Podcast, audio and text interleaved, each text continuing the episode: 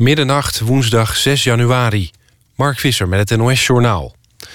De waarschuwing voor gevaarlijk weer is uitgebreid. Het KNMI heeft code oranje afgegeven voor delen van Flevoland, Overijssel en Gelderland. Ook in Noord-Holland en Utrecht kan het plaatselijk glad zijn. Daar geldt code geel. Code oranje gold al voor het noorden van het land. Daar waren afgelopen avond door de IJssel verschillende ongelukken. Op de A7 tussen Heerenveen en Groningen reed het verkeer over een lengte van 30 kilometer stapvoets. In het IJsselmeer is het lichaam gevonden van de tweede opvarende van een jacht... dat eind november zonk in de buurt van Lemmer. Het gaat om een 67-jarige man uit Groningen, zegt de politie. De zoektocht naar de drenkeling was begin vorige maand gestopt. Op het jacht dat in november zonk tussen Lemmer en Urk zaten twee mannen. De andere drenkeling, een inwoner van Amsterdam van 68... werd een aantal dagen na het ongeluk al gevonden. In Griekenland hebben enkele Israëlische passagiers... een vliegtuig naar Tel Aviv tegengehouden... omdat ze bang waren voor twee Arabieren in hun toestel. Israëlische media melden dat verschillende Joodse passagiers... het opstijgen van het vliegtuig verhinderden... door in het gangpad te gaan staan. Uiteindelijk besloten de twee Arabische Israëliërs om uit te stappen... in ruil voor financiële compensatie en een hotelovernachting. De Griekse luchtvaartmaatschappij heeft zijn excuses aangeboden... voor de gang van zaken. Dan nog het weer. In het noorden en oosten valt dus ijzel, soms ook lichte sneeuw. In de rest van het land motregen. Het koelt vannacht af tot een graad of min 6 in Groningen, plus 5 in Zeeland. Morgenochtend dan trekt de neerslag weg. In het noorden blijft het een paar graden vriezen... en in het zuiden wordt het 8 graden. Dit was het NOS Journaal. NPO Radio 1. VPRO. Nooit meer slapen.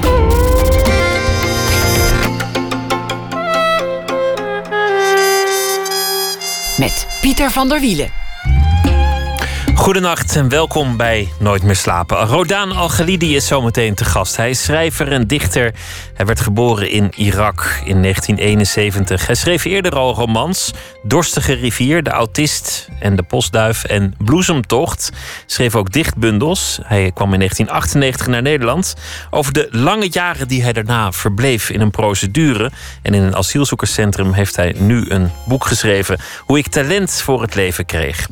Met hem praat ik het komend uur. Na ene cabaretier Vincent Bijlo te gast in de nieuwe rubriek Open Kaart. Een vraaggesprek aan de hand van zelfgetrokken kaarten. En F. Starik schrijft een beschouwing bij de voorbije dag. En we gaan het hebben over 2016 als jaar van de virtual reality. Rodaan Al-Ghalidi, hartelijk welkom. Dankjewel, dankjewel. Hoe ik talent voor het leven kreeg is de titel van het boek. Hm. Een boek dat van binnenuit beschrijft hoe het is om asielzoeker te zijn. Om... Uh, in een AZC te wonen. Het is een boek dat grappig is, maar ook een boek dat een nachtmerrie vertelt. Je hebt heel lang gewacht met het schrijven van dit boek. Eigenlijk is dit het boek dat je altijd nog eens moest schrijven, maar dat je eigenlijk nooit aandurfde. Hoe is dat gegaan? Eh, ik ontmoette drieënhalf jaar een man en hij vroeg mij over mijn, uh, die jaren die ik in asielzoekerscentrum heb gebleven. Hij zei, hoe was die jaren? Hoe was jij? Waren ze harde jaren of zachte? Ik zei, ik wil niet erover hebben. En dan hij zei, vertel mij één situatietje daar. En ik heb het verteld. Hij zei, oh, ik zou dat je elke maand een verhaaltje naar mij sturen. En zo is het gegaan, drieënhalf jaar. Je zag er tegenop om dit te schrijven. Je hebt, je hebt heel lang gewacht. Je hebt er wel eens eerder over gedacht. Dit verzoek wilde je niet afslaan. Het, het zijn eigenlijk brieven aan, aan die vriend, hm. zoals het boek begonnen is. Wat weerhield je ervan om het eerder te schrijven, dit verhaal? Uh, het was te pijnlijk voor mij. Ik heb het een beetje geblokkeerd in mij al die negen jaar. Ik wil verder gaan. En ik dacht, als ik erover weer schrijf, word ik gek. Word ik meer depressief of agressief. En dat wil ik niet. Negen jaar. Negen jaar van je leven heb jij gewoond in een, in ja, een maar dat was niet heel lang. Ik ken mensen die nog steeds in een procedure van 98 moet je nagaan. Mensen die tegelijk met jou binnenkwamen en nog steeds hangen in de ja, procedure. Ja, en ik bel hen elke keer en ik voelde dat ze zijn echt... Ze dalen af, omdat ze zijn nog steeds in de procedure. Laten we, laten we bij het begin beginnen. Bijna alsof het, eh, alsof het hier de eerste intake is. Je komt aan op Schiphol. Je hebt dan al een reis achter de rug. En ik stel jou net voor als Rodan al-Ghalidi... geboren in het zuiden van Irak in 1971. Is het niet mijn correcte verjaardag, maar wordt hier gebruikt eigenlijk. Ik ken mijn verjaardag niet. Zoals heel veel mensen hun verjaardag niet kennen dus in de wereld. Ik ken het jaar niet en, het, en de dag en eh, ook de maand niet. Maar iemand heeft ooit 71 voor mij gekozen en nu is het gebruikt als mijn verjaardag is ook goed hoor. En dan 1 juli, want het is 1 januari of 1 juli. Ja. Maar dan zit je tegenover een, uh, een, een, mevrouw die, die jou in het systeem moet opnemen, die een dossier moet aanmaken. Het mm. allereerste begin van die lange procedure. Mm. Je bent opgepakt op Schiphol, je hebt je bekendgemaakt als asielzoeker. En meteen begint, beginnen daar eigenlijk de problemen. Want jij zegt, ik denk 1 juli, ik weet het niet zeker. En daar loopt de machine meteen al vast. Wat gebeurde er? Eh, Irakezen zeggen nooit dat dit is niet hun echte verjaardag 1 juli. Altijd de ambtenaren van END vragen hun: Is dit jouw echte verjaardag? Ja, is klaar. Maar ik dacht, ik moet eerlijk antwoord geven. Het is onze cultuur. En ik zei, zij vroeg mij, is dit jouw echte verjaardag? Ik zei, nee, ik weet het niet. Welke jaar ben ik geboren of welke dag, welke maand? En zo begonnen de problemen. Dus de waarheid was voor mij dodelijk in dat moment. Het was makkelijker geweest, je had toch een vast paspoort. Je had eigenlijk geen identiteit als je gewoon hm. iets had gezegd. Ja, en bij, bij de END is uh, uh, nette leugen is beter dan rommelige waarheid. En ik had die rommelige waarheid bij mij en het was heel erg moeilijk. Voor mij en voor END en voor ons samen en voor mij toekomst als asielzoeker in Nederland. Hoe lang duurt zo'n kwestie? Dit is maar één van de, van de zeer vele kwesties die in zo'n asielprocedure langskomen. Wat is je geboortedatum? Hoe, hoe lang sleept dat voort? Hoe lost zich dat op? Ja, ze zei: uh, uh, Oké, dan wil ik graag jouw echte verjaardag weten. Ik zei: Dat weet ik niet. Ik was net geboren, ik weet het niet. Zij, je moet het beetje weten. Ik moet het vullen in de computer. En ze zei, ik geef jou 000 en dan 1971 of zo, ze koos in die jaar. Ik zei, maar dat klopt niet. Of alles 000060 of 1 juli. Ze nee, ik heb die jaartel nodig voor het systeem in de computer. Ik zei, mevrouw, maar ik heb 1 juli ook nodig voor mezelf. Het is toch niet te geloven later als ik reis of in die trein zit met identiteitkaart 00. Wat, waar ben ik geboren? In een andere planeet. Maar ze wordt een beetje boos op mij. En ze zei: Je bent hier om antwoorden te geven, niet vragen te stellen. Ze was een beetje ook een beetje agressief. Je was uh, al geruime tijd daarvoor weggegaan uit, uit Irak. Hm. Wat was er eigenlijk gebeurd als jij had besloten destijds, in 1998, het is inmiddels ontzettend lang geleden, om daar te blijven? Eh, dan moest ik naar de leger. Kijk, als Irakees meisje hoeven ze niet naar het leger als zelf gestudeerd. Maar jongens moeten ze naar de leger. En Dit was wil... nog onder Saddam Hussein? Ja, en om eerlijk te zijn, ik haat uniform. Ik haat leger, ik haat wapen. Ik, uh, ik wil niet naar het leger. En ik dacht, het is ja, onmogelijk voor mij om te blijven hier en naar een leger te gaan, vier, vijf jaar. En misschien word ik naar de oorlog gestuurd. En zodra jij in de leger bent, dan is het heel, eh, de, zeg maar, krijg je de doodstraf als je ontsnapt van het leger. Maar zodra jij niet in de leger bent en gepakt, word je naar het leger gestuurd. Ik dacht, ik ga niet uh, ermee beginnen, ik ga ontsnappen. Je had geen zin om in het leger te dienen en om, om een toch waarschijnlijke oorlog onder Saddam niet te Niet in het leger van Saddam Hussein, ook niet in het leger van Nelson Mandela of Obama. Ik, ik wil het. Ik ben ook anti-leger of doodstraf of oorlog. Ik wil het niet. Je schrijft mensen die zijn geboren met een goed paspoort weten niet hoe hard de tanden van de wereld bijten. Als je toevallig bent geboren met een Goed, jouw paspoort in Griekenland, ja, bijvoorbeeld. En in Griekenland is jouw Europa, hè. En zeg, uh, alleen goed die papiertje. Dan ben je geen mens. Op, in één seconde ben je geen mens. Alle deuren zijn dicht. Je hebt geen ambassade meer, geen systeem. Je bent niemand. En daarna zie je de andere gezicht van de wereld. En dat is met, je kan het heel makkelijk ervaren. Vier uur vliegen naar Griekenland en uh, probeer het niet heel lang. Alleen maar één weekje. Een je weekje zonder paspoort. Je kan niks zelf niet inchecken in een hotel. Welk beeld had je daarvan voor je vertrok? Want dat wist je toen natuurlijk eigenlijk nog niet. Hoe belangrijk zo'n papiertje is en hoe meedogenloos de procedures en hoe lang ik, de dacht, reis. Ik dacht dat ik in een soort kooi, Irak is een kooi. En zodra ik buiten de grens ben ik vrij. Ik kan overal vliegen. Dan ben ik een mens. En ik wist niet dat Irak, dit kooi eigenlijk soms barmhartiger dan dit bos achter me vol haaien en al die laren en al die beesten. Maar het terugkeren was dodelijk eigenlijk. Dus uh, je moet gewoon doorgaan. Het is eigenlijk of je door de hond of de kat gebeten ja, wordt. Ja, maar ik had een heel mooi idee over Europa. Ik had een heel mooi. Ik ben opgegroeid met Europese literatuur. Ik heb Dante Alighieri gelezen. Voltaire, Jean-Jacques Rousseau en Tolstoy, Dostoevsky, Shakespeare, Rilke, zoveel gelezen. Ik ben opgegroeid met Europese literatuur. Ik vind Arabische literatuur heel mooi, maar altijd geschreven in een enge periodes. Dus, dus je weet niet eens wat is de mening van de schrijver of de dichter zelf. En ik vind de Europeanen kunnen ze vertellen wat ze denken. En ik dacht, als ik naar Europa eh, kom, dan ben ik thuis. Mijn hoofd is Europese hoofd. Ik wist niet, dat is de heel heer soms.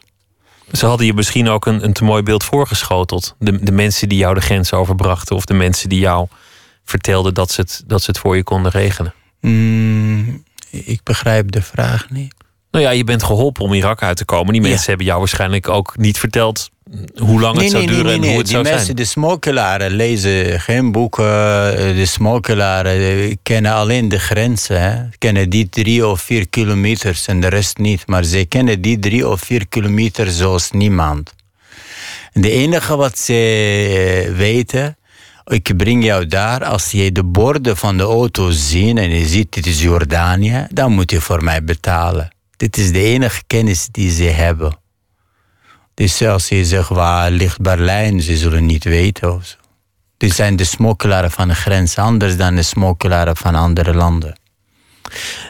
Het boek is fascinerend omdat ik heel veel verslagen heb gelezen over asielzoekerscentra. Ook van andere schrijvers, van journalisten, van uh, belanghebbenden, van, van organisaties. Maar zelden een verhaal van binnenuit. Van een schrijver die daar zelf heeft gezeten. Het is een verschil tussen een. Uh, je kan het drie dagen in asielzoekerscentrum blijven. En je kan een boek erover schrijven. Maar ik heb daar gewoond. Het was mijn wereld.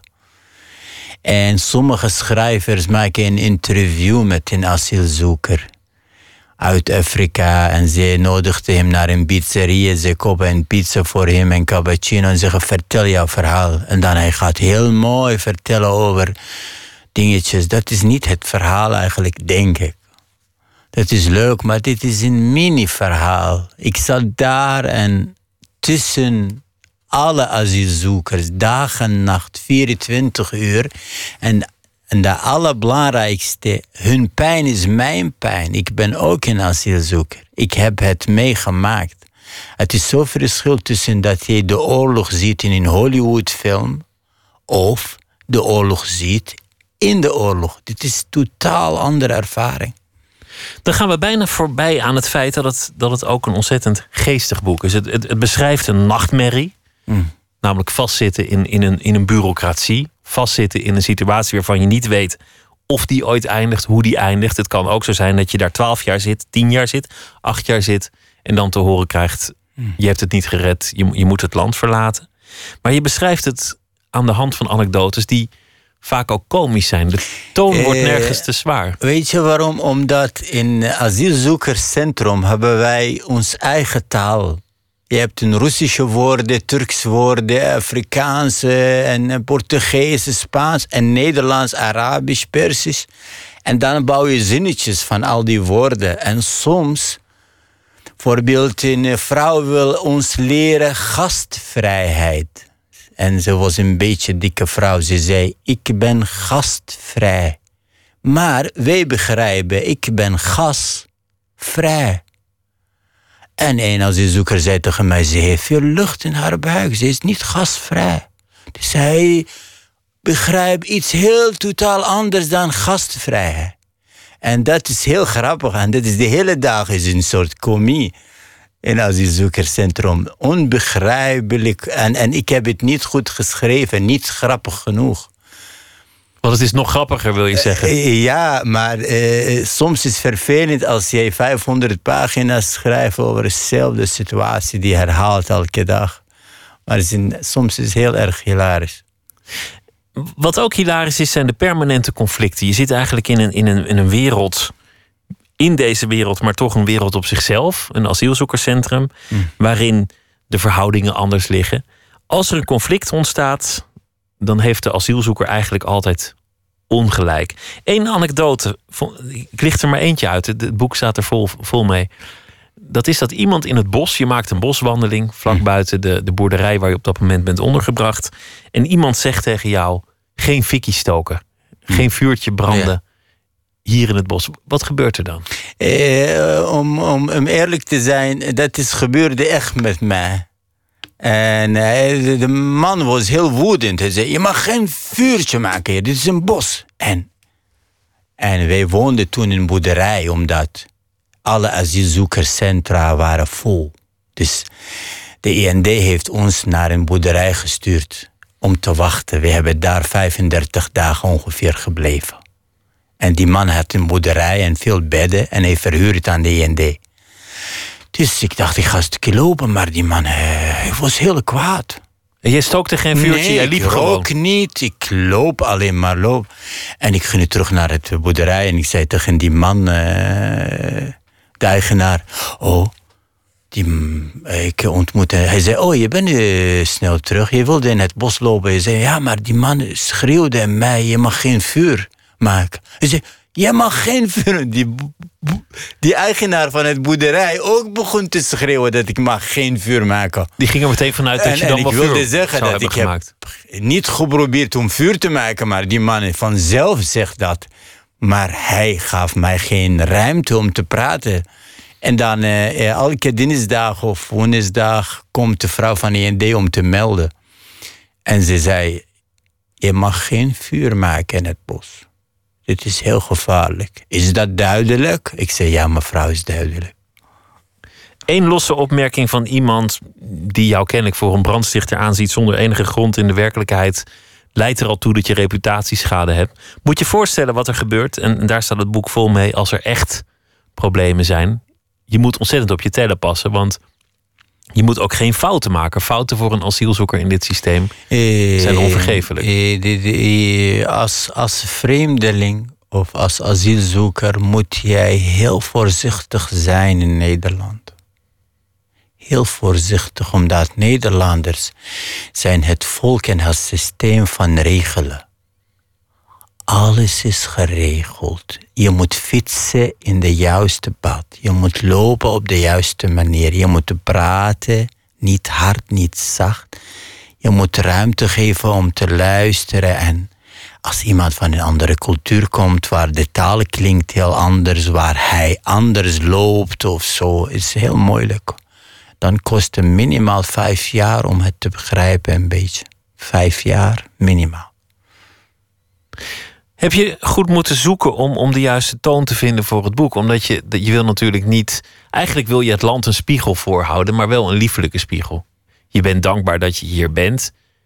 Maar eigenlijk gaat het boek meer over Nederland ik had, dan over de, de asielprocedure. Ik had, eh, eerder wilde ik zo eh, eh, over mijn asielbeleid schrijven, maar ik dacht, dit is niet eerlijk. Irak, al die oorlogen, al die ellende, en ik ga schrijven over in één gebouw in Nederland, waar het systeem martelde niemand of doodde niemand.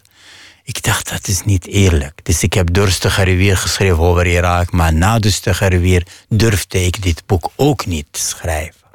Omdat eh, ik kon niet geloofwaardig zijn voor de Nederlanders. Als ik een woede heb, zeggen ze, oh je hebt geen gelijk, je bent boos. Als ik te bescheiden ben, zeggen ze, oh je doet het een beetje te lief. Als ze te hard zeggen ze, dit, dit is onmogelijk. Maar ik heb dit boek geschreven voor één lezer, die man. En hij is heel slim, is een bijzondere man. Dus ik dacht, ik ga geen... Die vriend die jou vroeg, vertel eens hoe het daar was. Ik, ik zie hem als vriend, maar ik weet niet of hij mij ziet als vriend. Ja, ik, ik ontmoet hem heel af en toe, maar ik respecteer hem ontzettend. En, uh, en, en ik dacht, als voor die respectabele, slimme man, ik ga niet mijn eigen mening vertellen in het, mijn brieven naar hem. Ik ga alleen iets doen alsof ik een foto stel. Ik geef hem het beeld en hij heeft zijn eigen commentaar erover. Dus er is geen overdrijven en het moet een beetje herkenbaar en het moet een beetje geloofwaardig. Dus ik had één lezer in mijn hoofd. En toen in afgelopen mei het boek afstuurde ik hem. Ik zei, dit is jouw boek. Hij stuurde mij een e-mail. Gooi mijn naam uit het boek en stuur het naar de uitgeverij. En ik heb andere half maand lang gewerkt om zijn naam weg te halen. Omdat elke hoofdstuk begon met zijn naam, beste, bla bla bla. Ik begon dit hoofdstuk, weet je nog, vorige maand heb ik dat jou verteld. Ik hoop dat jij nog herinnert dat die persoon in uh, eerdere situaties was zo, maar hij is, snap je?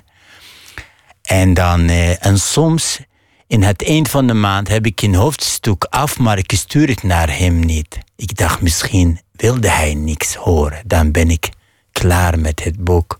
Maar stuurde hij mij een mailtje. Waar ben jij? Ik wacht op je woorden. En ik stuur uh, een e-mail meteen naar hem met een hoofdstuk. En uh, ik had alleen maar een vakantie van hem gekregen, drie maanden, om mijn andere boek af te maken, Bloesemtocht. En hij zei, je hoeft geen drie maanden, neem vijf maanden. Dus ik had één, vijf maanden een vakantie van hem. Dat is niks voor hem gestuurd niks hoeft te sturen om, het, om het vorige boek af te maken. Hoe overleef je eigenlijk? Wat, wat heeft jou doen overleven? Want jij hebt uh, negen jaar daar, daar gezeten in een asielzoekerscentrum. Ja. Waar je niet alleen sliep. Waar, waar, waar van alles rondloopt. Van, van oorlogsmisdadigers tot mensen die psychisch volledig in de war zijn. Uh, waar agressie voorkomt. Waar, waar je volledig aan de regels moet houden. Waar ook mensen werken die, die daar wel een beetje van genieten van, van die macht. Yeah.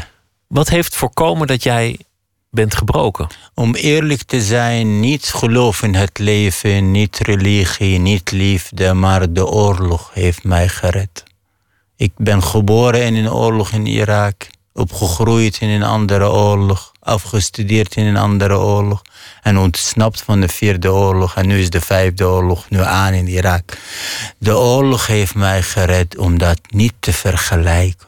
Jij dacht, dit, dit is vreselijk, maar daar is nog vreselijker. Dit is in hemel. Elke keer als ik lag op bed en dan eh, die drie of vier mannen snorken in de kamer of stinken of vechten of discussiëren over verblijfsvergunning, dacht ik aan de bombardementen, aan raketten. En die raketten redden mij van de END, ministerie van Justitie, van Egypte. De oorlog eh, heeft mij gered, eerlijk gezegd. Omdat ze maakte mij zo sterk. Acht mensen die, jij, uh, die tegelijk met jou daar verbleven, pleegden zelfmoord. Waaronder mensen met wie jij heel hecht omging. Mm. Dat, dat beschrijf je in het boek. Ik, ik heb uh, Kijk, eh, de asielzoeker na het derde jaar begonnen ze hun controle te verliezen. Na het derde jaar, sommigen na het vierde jaar. Dan worden ze een beetje gekker en gekker. En, uh, en één persoon kende ik heel erg. Het was een heel uh, zware situatie toen hij geen zelfmoord pleegde. Wat was het moment dat hij brak? Weet je dat?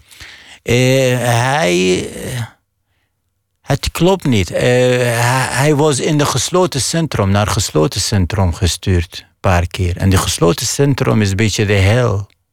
Je wordt naar een celletje gestuurd, maar zonder schuld. Je hebt in asielzoekerscentrum een sociale dienst. Ze gaan met jou praten als jij uh, boos bent. Als je niet luistert, oké, de taal is niet genoeg, bellen ze de vreemdelingpolitie. De vreemdelingpolitie komt naar het asielzoekerscentrum. Hij luistert niet. Hij discussieert niet. Dat is de werk van de sociale dienst. Wat doen ze? Ze binden jouw hand vast naar achter en ze nemen jou. Waar nemen ze jou? Naar verplichte opname? Nee, dat mag niet. Naar rechtbank? Je hebt niks fout gedaan. Naar het gesloten centrum. Soort Guantanamo van het asielzoekerscentrum. Hoe lang blijf je daar? Ligt in jouw situatie in de cel. Als je gaat schreeuwen, als je gaat gek doen, dan blijf je daar. En misschien de politieagent die jou naartoe brengt, is een leuke man. Dan de volgende dag brengt hij jou zelf naar asielzoekerscentrum. Of misschien hij in een harde man, dan blijf je drie, vier weken daar. Het is in hel omdat, ook als je twee dagen blijft daar, dan is het hard omdat je weet niet wanneer ga je terug naar asielzoekerscentrum. En dat is de reden toen, of althans de reden, dat is het moment geweest dat jouw vriend eh, er een einde aan maakte. Ja, en dan mag ik iets vertellen ook verder over dit eh, gesloten centrum. Een keertje, uh, een jongen probeerde zichzelf te verbranden. Hij wilde zelfmoord plegen. En de vreemdelingpolitie kwam. Hij zei, wie spreekt Arabisch? Ik zei, ik. Hij zei, kom, we hebben jou nodig om te vertalen. En dan ze brachten ons naar een zeg maar, politiebureau en ze brachten mij ook naar een cel. Ik wil zeggen, ik ben vertaler. Ik kom hier te vertalen, maar ik mag niks zeggen. Ik heb daar gebleven in een cel. Terwijl je alleen maar kwam vertalen? Ja, dat is zo. Soms werkt zo. Laten we luisteren naar uh, Typhoon, want er zijn ook... Uh heel veel vrolijke dingen in, in je leven aan de hand. Uh, namelijk dat je literaire prijs hebt gewonnen. Dat je vorige boeken goed zijn ontvangen. Dat je dichter bent. En dat je een project samen hebt gedaan met Typhoon. Iets heel anders dan wat we nu gaan luisteren. En um, dit is het themalied dat hij ooit maakte voor Serious Request. Niet weglopen. Nee, nee, nee, nee, niet te snel weglopen, oké. Gisteren was ik weg, wilde doorgaan en vergeten. Je hoort niet meer wat ik zeg als ik in mijn mond constant bewegen. Zo is alles goed en ineens is het onveilig. Ineens sta je er weer alleen voor en ben ik niet bij je. Je kan zeggen, ben een man met een strijdbel. Rugzak, ik vraag te vaak, heb ik de tijd wel, lukt dat? Al is het goed, ik kom niet door naar de verovering. Je vraagt, hoe kan je klaar zijn als het niet over is? Je zegt, niet te snel weglopen, oké. Okay. Strijden als je opstaat, twijfelen en doorgaan. Ik beloof je te bevrijden, ben er even, maar verdwijn weer. Maar goed, ik ben er nog.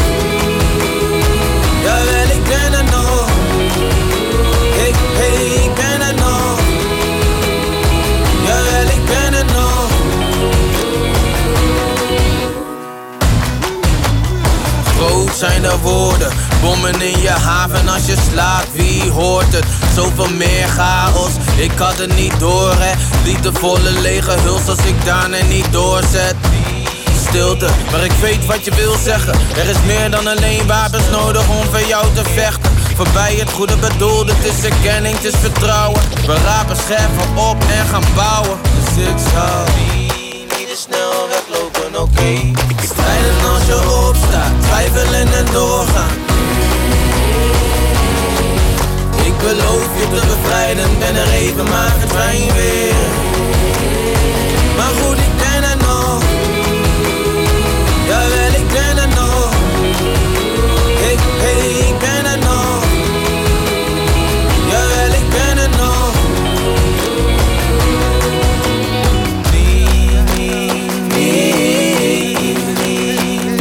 niet te snel weglopen, oké. Okay. Nee, nee,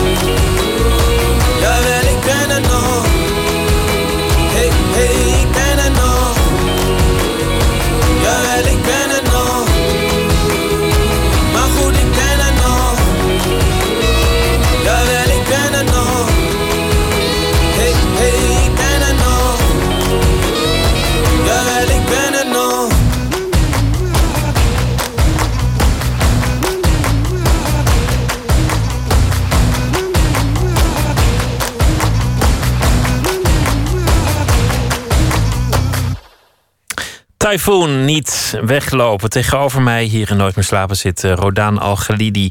Als jonge man ging hij weg uit Irak om de dienstplicht te ontlopen. En hij kwam terecht in Nederland. En kwam ook terecht in een asielprocedure die tien jaar zou duren. Maar wat hem op de been hield was dat hij dacht: alles beter dan de oorlog daar in Irak. Want als hij terug was gegaan, dan was hij inmiddels een deserteur geweest in de jaren van Saddam. En dat was, uh, was hem waarschijnlijk niet in dank afgenomen als hij was uh, teruggekeerd. Uiteindelijk, en die procedure gaan we lekker niet helemaal beschrijven, want dat duurt heel lang, ben je na generaal Pardon en uh, de veranderende situatie in Irak in 2003 langs omwegen toch nog in Nederland gekomen. Heb je uiteindelijk je, je verblijfsstatus gekregen. Je was inmiddels al schrijver. Schreef je eigenlijk altijd al? Ik schrijf gedichten vanaf mijn kinderjaren. En uh, romans uh, in mijn puberteit. Maar... Uh, en ik was voor mij heel moeilijk te scheiden tussen gedichten en romans. Maar na een tijdje lukte mij wel. Je hebt nu ook gedichten bij je, sommige ook met de hand geschreven. Dus, dus ik krijg de indruk dat je ook permanent ja, ik gedichten ga, Ik hou van een beetje hand schrijven. Ik, heb, uh, ik hou van veel pennen. En uh, voorbeeld, als ik iets persoonlijks schrijf, bijvoorbeeld dit gedicht over het leven, vind ik graag leuk om in handschrift te schrijven. Dan is het persoonlijk. Wil je het voorlezen? Ja. Leven Leven, leven, kom met mij samenwonen. Deel met mij niet alleen de woonkamer en de slaapkamer, maar ook mijn hart en elke seconde. Leven samen, jij en ik. Ik heb je lief en ik zal niet jaloers zijn als je ook met een ander gaat. Leven, kom met mij samen wonen ik de muren, jij het thuis voor altijd. Ik zei dat je kwam uit, uh, uit Zuid-Irak. Jij zei van ja, eerst, eerst was er de oorlog met Iran en toen was er Saddam Hussein en zijn, uh, en zijn bewind, waar onder meer uh, het, het, het boek Dorstige Rivier over gaat, wat je hebt hm. geschreven. Daarna was er de, de oorlog in, vanaf 2003, toen de Amerikanen binnenvielen. Inmiddels is het land geëxplodeerd zou je kunnen zeggen. Volg je het nog elke dag? Zeker, omdat mijn familie woont daar. En ik heb een broer met drie kinderen en een vrouw zit in Turkije. Hij, mijn uh, broer komt uit het zuiden en zijn uh, vrouw komt uit Mosul, de IS-gebied. En dat lijkt op een Duitser die getrouwd met Joodse vrouw in de Tweede Wereldoorlog. Dus hij kan niet in het zuiden meer, niet in het noorden. En hij is nu in Turkije. Dus ik volg de nieuws elke dag. Mm, soms elke uur. En als ik de nieuws niet kan volgen, de nieuws volgen mij. Dan bellen ze mij. Oh, waar ben jij? Je moet jouw broer helpen. Je moet jouw oom, dat en dit. En... en wat voor verhalen hoor jij op dit moment? Wat was het verhaal vandaag?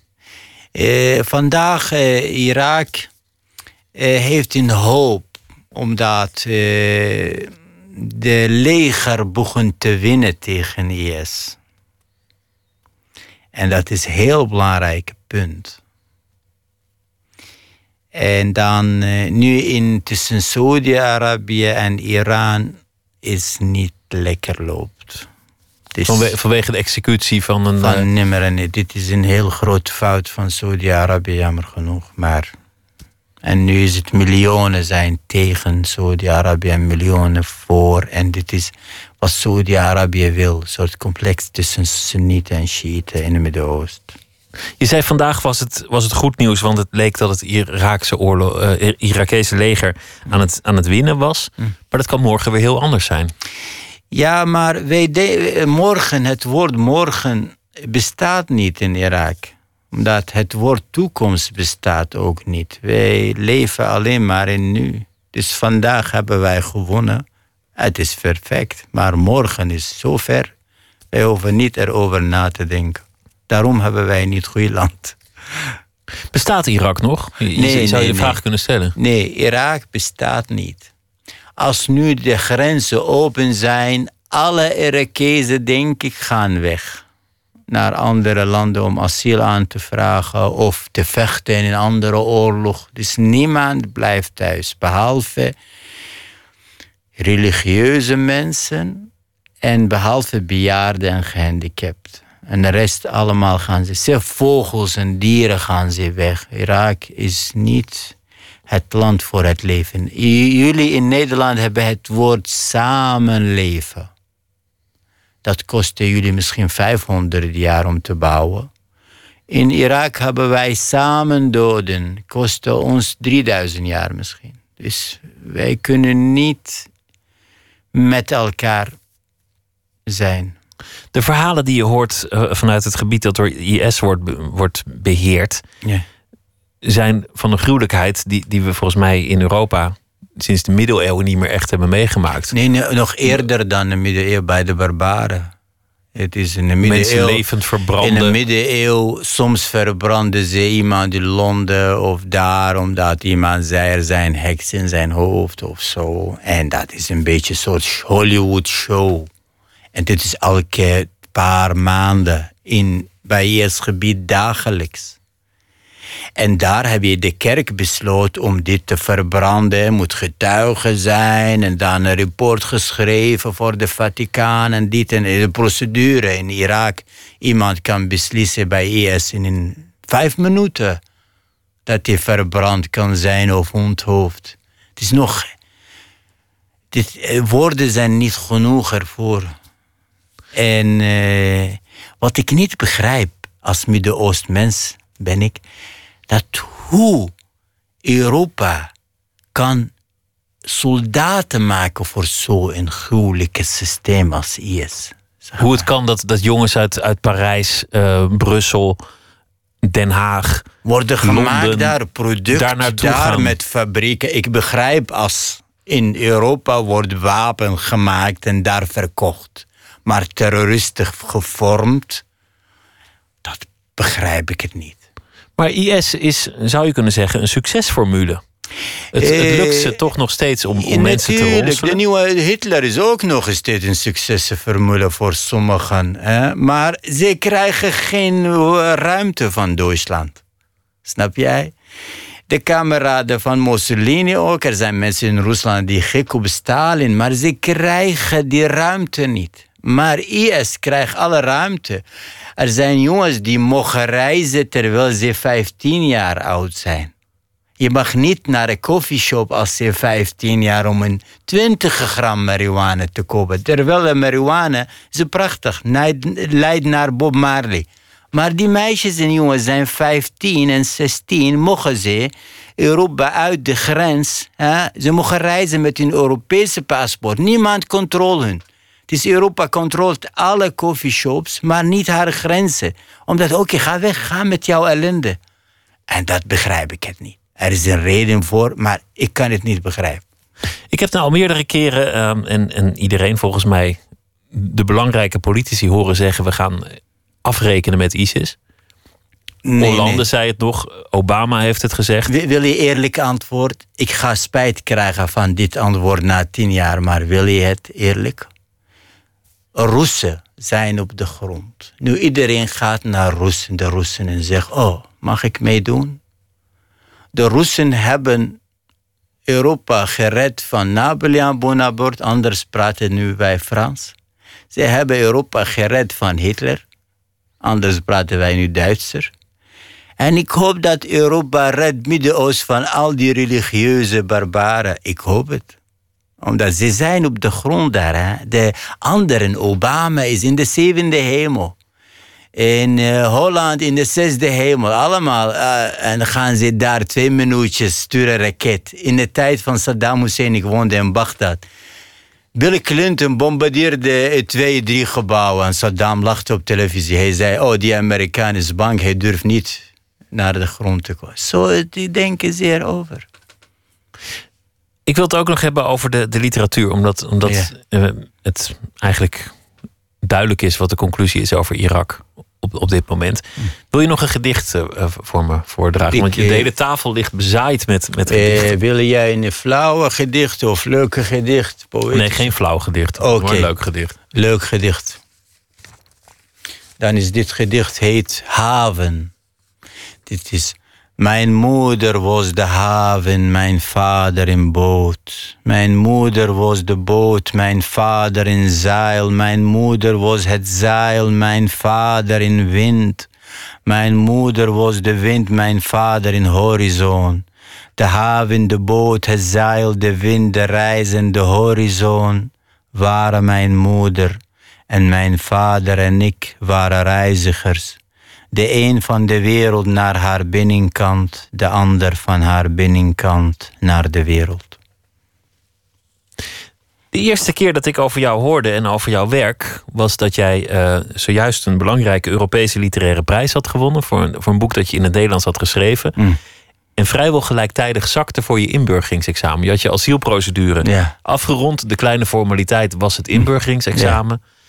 En jij zakte. De vragen die stonden erbij in het artikel. En een van de vragen was: hoe lang na een miskraam wordt een vrouw weer omgesteld? Ik moet je, moet je zeggen dat ik het ook niet wist. Eh, kijk, eh, er waren dertig vragen en ik had drie kwartier tijd. En in elke eerste komt een filmpje en daarna een tekst, daarna de vraag. En soms zit de, de computer van de inburgering vast twee, drie seconden. En dat is ook een tijd van die drie kwartier. En het was eigenlijk de inburgeringtoets over niet die twee Nederlanders. Ik wil inburgerd, ik wil Nederlander worden, maar het was over twee Marokkanen, Mo en Amal. En Mo en Amal, eh, eh, ze hadden zwangerschap en miskraam. En daarna, wanneer worden ze ongesteld? Moet je eerst de film kijken de tekst lezen en daarna weet je de, de antwoord.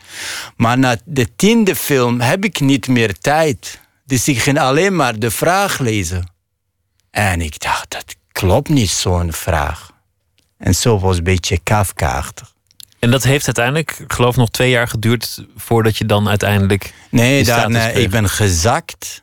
En dan. Uh, uh, het was moeilijk voor mij, omdat als je vijf jaar verblijfsvergunning hebt moet je inburgerd worden. Anders misschien mogelijk dat de IND noemt jouw verblijfsvergunning. Dus ik ging uh, studeren, ik heb boeken gekocht. Ik moet boeken kopen voor inburgering. En ik ging studeren uh, drie of vier maanden. Het kostte mij tijd. Om, uh, en daarna heb ik examen gedaan, vijf examen. En het was gelukt. En toen, toen had je eindelijk die, die status. Hoe kijk je al met al aan tegen tegen jouw nieuwe vaderland Nederland? Want de kans dat je ooit terug gaat naar Irak lijkt me niet zo groot. En... Uh, ik vind Nederland, de Nederlanders de meest veilige volk ter wereld. En de gevaarlijkste ook. Nederlanders zijn heel veilig als jij een beetje afstand van hun neemt. En je geeft hun het beslis en je neemt het leven van hun. Dan zijn ze veilig. Ben je ziek, krijg je medicijnen. Ben je arm, krijg je uitkeringetje. Ben je, heb je dakloos, krijg je een dak. Geef hen het beslis en neem het leven. Maar als je met een grote mond zegt: Ik wil mijn beslis ook en bla bla bla, dan zijn ze een beetje eh, anders. Wat heb ik besloten nu? Dit is hun cultuur, dit is hun land, dit is hun politiek. Is hun eh, economie. Ik deel het beslis niet met hun. Zij mogen beslissen wat moet ik doen. Hoeveel procent belasting moet betalen. Als ik gediscrimineerd is, oké, ik ga verder. Ik ben hier gekomen zonder uitnodigen van hun. Dus ik moet hun goede kant accepteren en de slechte kant niet accepteren, maar ik doe alsof ik het geaccepteerd. En dat is de veiligste. Anders ben je zeker of psychisch ziek of agressief. Dat wil ik niet. En je wil natuurlijk ook niet, niet, niet overkomen als iemand die ondankbaar is of, of die, die mensen ja, een man, voorhoudt. laten we zeggen, Gert Wilders is beter dan Al-Qaddafi of Saddam Hussein. Ik zou graag liever op vakantie met Geert Wilders, maar niet met Zainal Abidin Ben Ali. Wilders, als ik naar zijn huis ga, hij zal zeggen: Je bent niet welkom, sorry. Of je gaat of ik bel de politie. Als ik naar Saddam Hussein ga in zijn huis, hij gaat mij doden. Dit is het verschil. Maar sommige mensen zuren eigenlijk over die mini kleine dingetjes. Daarom wil ik eigenlijk ook geen interviews geven. Maar dit doe ik het voor de uitgeverij. Omdat ik wil die mening, dit wat ik zeg, niet zeggen. Ik vind het een beetje te goedkoop en te slijm. Je hebt ook een gedicht daarover geschreven, over, uh, uh, over Nederland. Oh, Nederland. Eh, dit is een, uh, ik ga twee gedichtjes over Nederland. Eén gedicht heet Gedicht over rijk zijn. Nederlanders hebben van mij goede dichter gemaakt. Ze zeggen, hou het kort. Dus mijn gedichten zijn nu heel kort. En dit gedicht heet De Nederlander is moe. Niet van rijk zijn, maar van rijk blijven. Dit is een gedicht. En de andere gedicht is een heel mooi gedicht van een Irakees die in Nederland woont. De titel is Ik hou van Holland. Ik hou van Holland, zei de paraplu. Het is mijn land. Ik kan me geen ander land voorstellen waar ik altijd zo mezelf kan zijn en zo open voor iedereen. Als je wil, kan ik nog een heel korte gedicht over Nederland. Ja, ga je de gang. Nederlandse dichters zijn blind. Ze schrijven niet over hoe rijk de straat in Nederland. Ik ben naar de markt gegaan. Ik zei tegen de man: Ik wil een half kilo kaas. Hij zei: Welke kaas? Oude kaas, jonge kaas, overjarige kaas, geitenkaas. Ik zei: Ik wil geen kaas. Ik heb gedicht. Filosofisch gesprek. Ik ben bang, zei de jonge kaas, dat ik jong opgegeten zal worden.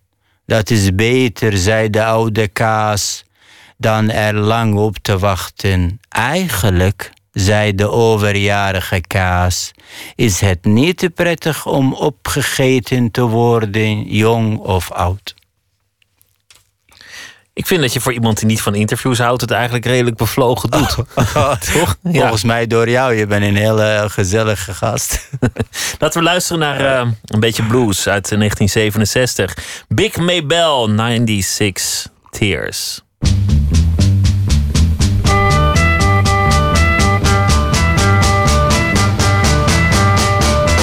Too many teardrops for one heart to be crying, yeah.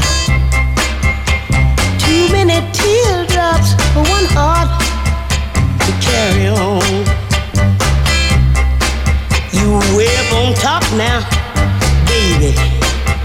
Since you left me, yeah. And you're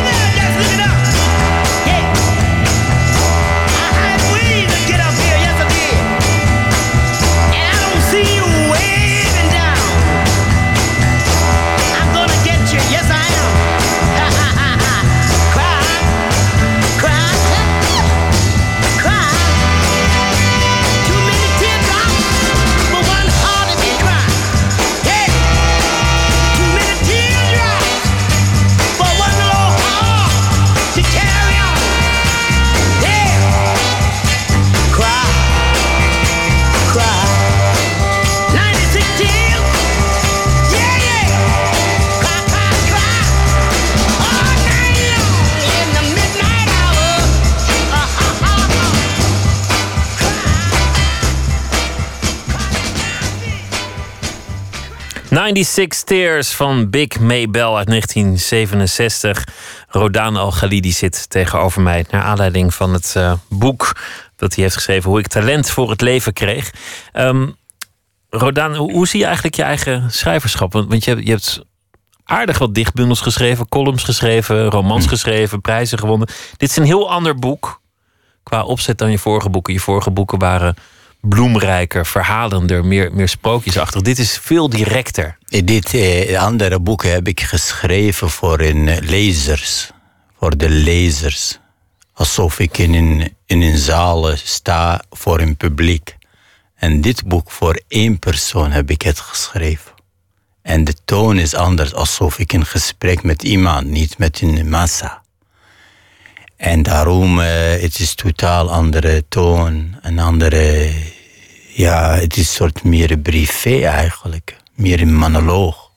Hoe zie jij de Nederlandse literatuur? Want je zei, ik begon met, met Dante Alighieri en, en in, de, in de AZC, daar las je de Russische literatuur. Wil je eerlijk antwoord of een antwoord voor, eh, om mijn boeken goed te verkopen? Wat Nee, wat, wat kiezen maakt wij eerlijk? verkoop van jouw boeken nou uit? Laten we eerlijk antwoord. Ik vind Nederlandse literatuurwereld heel goedkoop.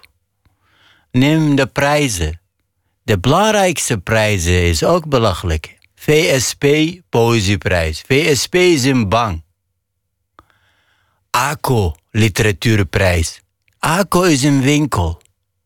Libris Literatuurprijs. Libris is een winkel. Wat soort literatuur heeft Nederland als de grootste prijzen komen uit een bank of een winkel? Dat is Nou ja. toch heel goedkoop? Iemand moet toch betalen? Dat. Eh, nee, je hebt Als die je mensen hebt- daar geld voor willen geven, maakt het uit. Nee, nee, de- regering moet betalen. Dus ze hebben miljoenen euro's van de Europese Unie gekregen. Het is alleen maar 50.000 euro. Ik kan 50 euro per jaar betalen als de prijs heet Ramco Kamperprijs of Rutger Koplandprijs in plaats van VSP.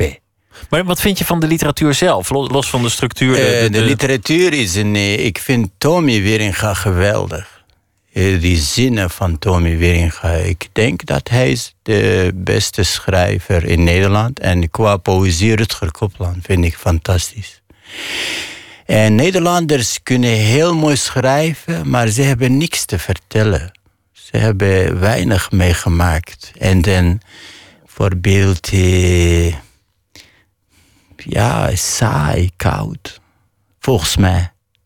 Je wil zelf de Nobelprijs van de literatuur Ja, binnen 30 jaar, als ik niet gestorven ben, dan krijg ik het. voor Nederland eigenlijk een Ik beetje. heb ook. als asielzoeker de Europese Unieprijs gekregen. Dus ik ben dichtbij, toch?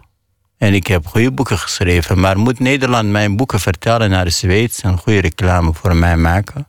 Dan krijgen ze de Nobelprijs. Ik denk dat ik kan het krijgen als Tommy Wieringa eh, niet eerder gaat sterven. Bescheidenheid is, is, eh, is nergens goed voor. Ik hou er niet van. Ik ben blij dat je het gewoon zegt. En dat je, dat je gewoon zegt, hop die Nobelprijs. Als je, als je al bescheiden begint, Nee, nee, dan wordt het nee, gewoon ik ook nooit wat. voor Nobelprijs, ik heb de niveau, denk ik, misschien. Tussen mij en mezelf ben ik heel arrogant, eerlijk gezegd. En die arrogantie maakte mij goede schrijver soms. Maar soms maakte mij eerlijk gezegd ook heel vervelend. vervelend. Ja. Ja, dat, je, je bent niet echt... eh, ik schrijf niet in mijn eigen taal en niet voor mijn eigen publiek. Ik zwem in een lege zwembad waar geen water is. Dus ik schrijf een boek en wie leest het in hemelsnaam? Eh Bloesemtocht is 85 boeken van verkocht. Terwijl ik eh, was 20 jaar al lang bezig ermee. En die 85, de helft heb ik zelf gekocht voor mijn vrienden.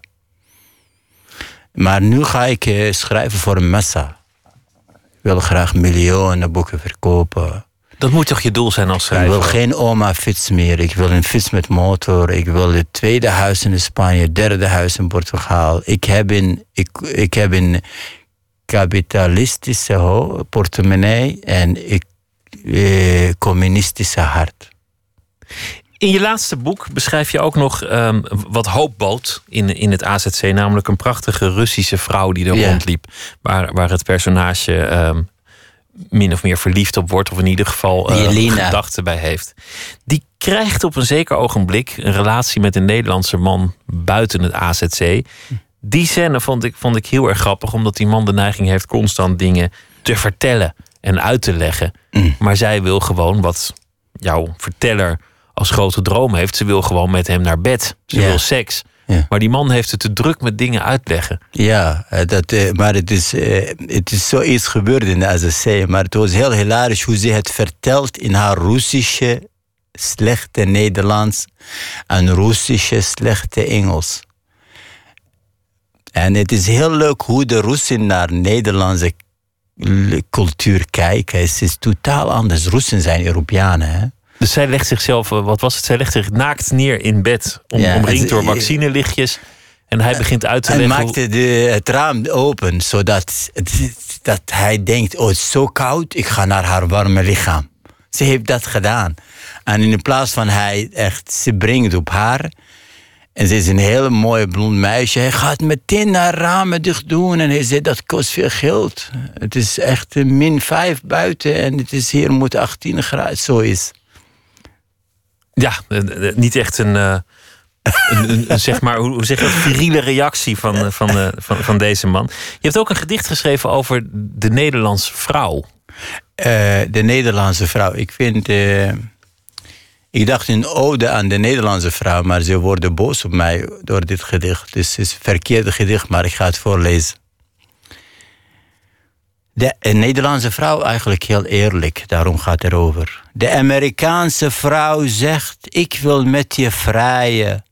De Arabische vrouw zegt: Maak kinderen met mij. De Franse vrouw zegt: Zullen we zoenen?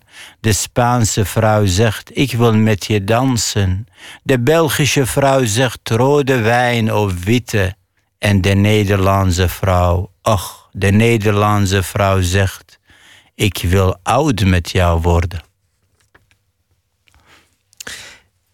Nou, dat, dat, dat is toch ook wel lief bedoeld. Maar ja, het is, wie heeft er nou zin om oud te worden? Een Nederlandse vrouw denkt zo ve- ver in de toekomst. Alle vrouwen willen iets dagelijks doen. Dansen, uiteten of zo. Maar de Nederlandse vrouw... Ik, was, ik ontmoette een Nederlandse vrouw ooit. En eh, ik zei, wat zou je willen met mij doen? Ik dacht, ze zou zeggen zoenen of uiteten. Ze zei, ik wil oud met jou worden. En ik dacht, shit, dat kost heel veel tijd nog. Moet nog heel lang wachten tot ik haar droom echt maak. Dan had je ook nog een gedicht. Ja, ik, ik ik vind ze leuk. ehm, over, over vergaderen. En dat is volgens mij wel wat in de Nederlandse volksaard bovenaan staat. In negen jaar lang in asielzoekerscentra. Tussen 12 en 1 's middags altijd de Nederlanders in de ruimte, in één ruimte zitten. En ik vroeg een van hen: wat zijn jullie aan het doen? Ze zei aan het vergaderen. En ik heb dit geschreven. De titel is een heel poëtisch: Vergaderen. Waarheen gaat de Nederlander? Naar een vergadering. Waar komt hij vandaan? Van een vergadering. Het huis is de vergadering van de Nederlander met zijn hond. De douche is de vergadering van de Nederlander met het warme water. De slaap is de vergadering van de Nederlander met zijn bed. Wakker worden is de vergadering van de Nederlander met de haast. De vergadering is de vergadering van de Nederlander met de vergadering. Rodaan Algalidi, dankjewel Dank voor, je eh, wel. voor je komst. Het boek heet Hoe ik talent voor het leven kreeg. Een, een actueel boek, een pijnlijk boek, een wrang boek. Maar ook een geestig boek over een asielprocedure. Beschreven van binnenuit. Rodaan Algalidi, dankjewel. Dankjewel. En heel veel succes met Dank alles wat je gaat doen. Zometeen gaan we verder. Vincent Bijlo die is eh, te gast in de rubriek Open Kaarten. F. Starik schrijft een beschouwing bij De Voorbije Dag. We gaan het hebben over virtual reality. Want 2016 is het jaar waarin het daadwerkelijk gaat gebeuren. De virtual reality brillen komen op de markt. En wat gaat het allemaal betekenen? Ook voor de journalistiek bijvoorbeeld. Dat allemaal zometeen. We gaan het ook hebben over drukpersen. Twitter, het VPRO NMS. En u kunt ons ook eh, volgen via Facebook. En u kunt ons eh, allemaal terugbeluisteren via de podcast. En dat kan allemaal via de website vpro.nl slash nooit meer slapen.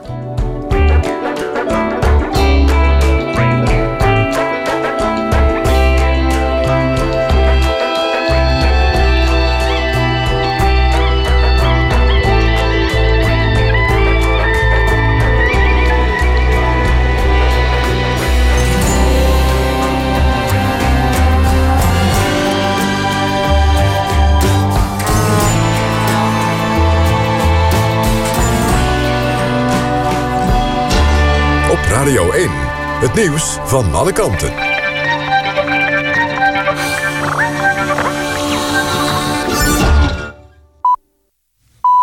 1 uur. Mark Visser met het NOS-journaal. De waarschuwing voor gevaarlijk weer is uitgebreid. Het KNMI heeft code oranje afgegeven voor delen van Flevoland, Overijssel en Gelderland. Ook in Noord-Holland en Utrecht kan het plaatselijk glad zijn. Daar geldt code geel. Code oranje gold al voor het noorden van het land. Daar waren vanavond door de IJssel verschillende ongelukken. Op de A7 tussen Heerenveen en Groningen... reed het verkeer over een lengte van 30 kilometer stapvoets. De Britse premier Cameron laat zijn ministers vrij om te bepalen wat ze vinden van een mogelijk vertrek van het land uit de Europese Unie. Cameron zegt dat de Britse regering voor het referendum over een brexit met een eigen stemadvies zal komen. De ministers hebben de individuele vrijheid om een afwijkende en persoonlijke mening te hebben. Van een aantal ministers wordt verwacht dat ze voor een vertrek zijn... terwijl Cameron waarschijnlijk campagne zal voeren om in de EU te blijven. Als de premier had vastgehouden aan een gemeenschappelijk regeringsstandpunt... was hij gedwongen om ministers met een afwijkende mening te ontslaan. In Griekenland hebben enkele Israëlische passagiers een vliegtuig naar Tel Aviv tegengehouden... omdat ze bang waren voor twee Arabieren in hun toestel. Israëlische media melden dat verschillende Joodse passagiers... het opstijgen van het vliegtuig verhinderden door in het gangpad te gaan staan. Uiteindelijk besloten de twee Arabische Israëliërs om uit te stappen... in ruil voor financiële compensatie en een hotelovernachting. De Griekse luchtvaartmaatschappij heeft zijn excuses aangeboden... voor de gang van zaken. Het weer In het noorden en oosten dus ijzel en soms ook lichte sneeuw. In de rest van het land valt er motregen. Het koelt vannacht af tot min 6 in Groningen en plus 5 in Zeeland. Morgenochtend dan trekt de neerslag weg. In het noorden blijft het een paar graden vriezen. In het zuiden wordt het 8 graden. Dit was het NOS Journaal. NPO Radio 1. VPRO. Nooit meer slapen.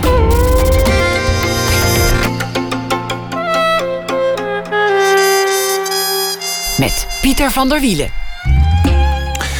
Straks uh, cabaretier Vincent Wijlo. Hij uh, zal wat vragen uitkiezen blind uh, als hij is, maar ook blind omdat dat de nieuwe rubriek is. Open kaart, waarbij iemand uit een bak gewoon een vraag trekt en dan die vraag moet beantwoorden.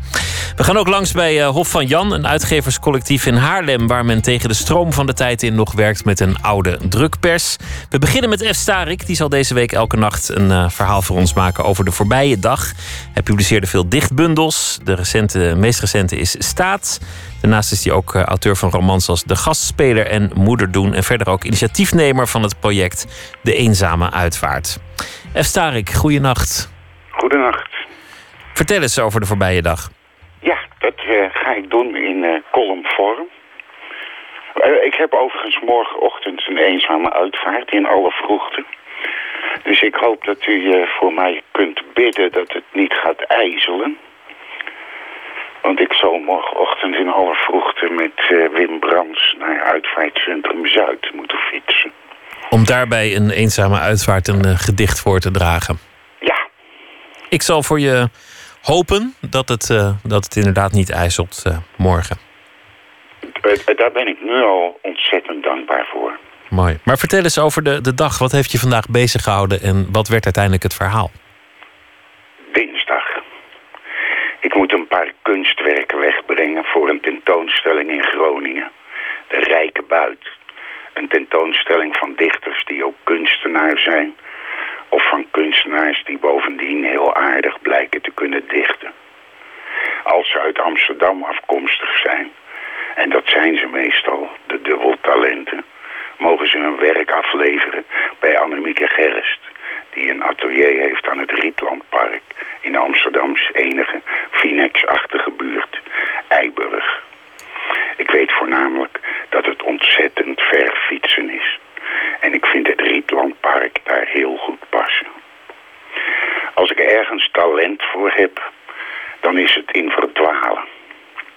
Er staat me vaak iets bij dat je om in Eiburg te geraken eerst oost uit moet fietsen langs het Flevopark.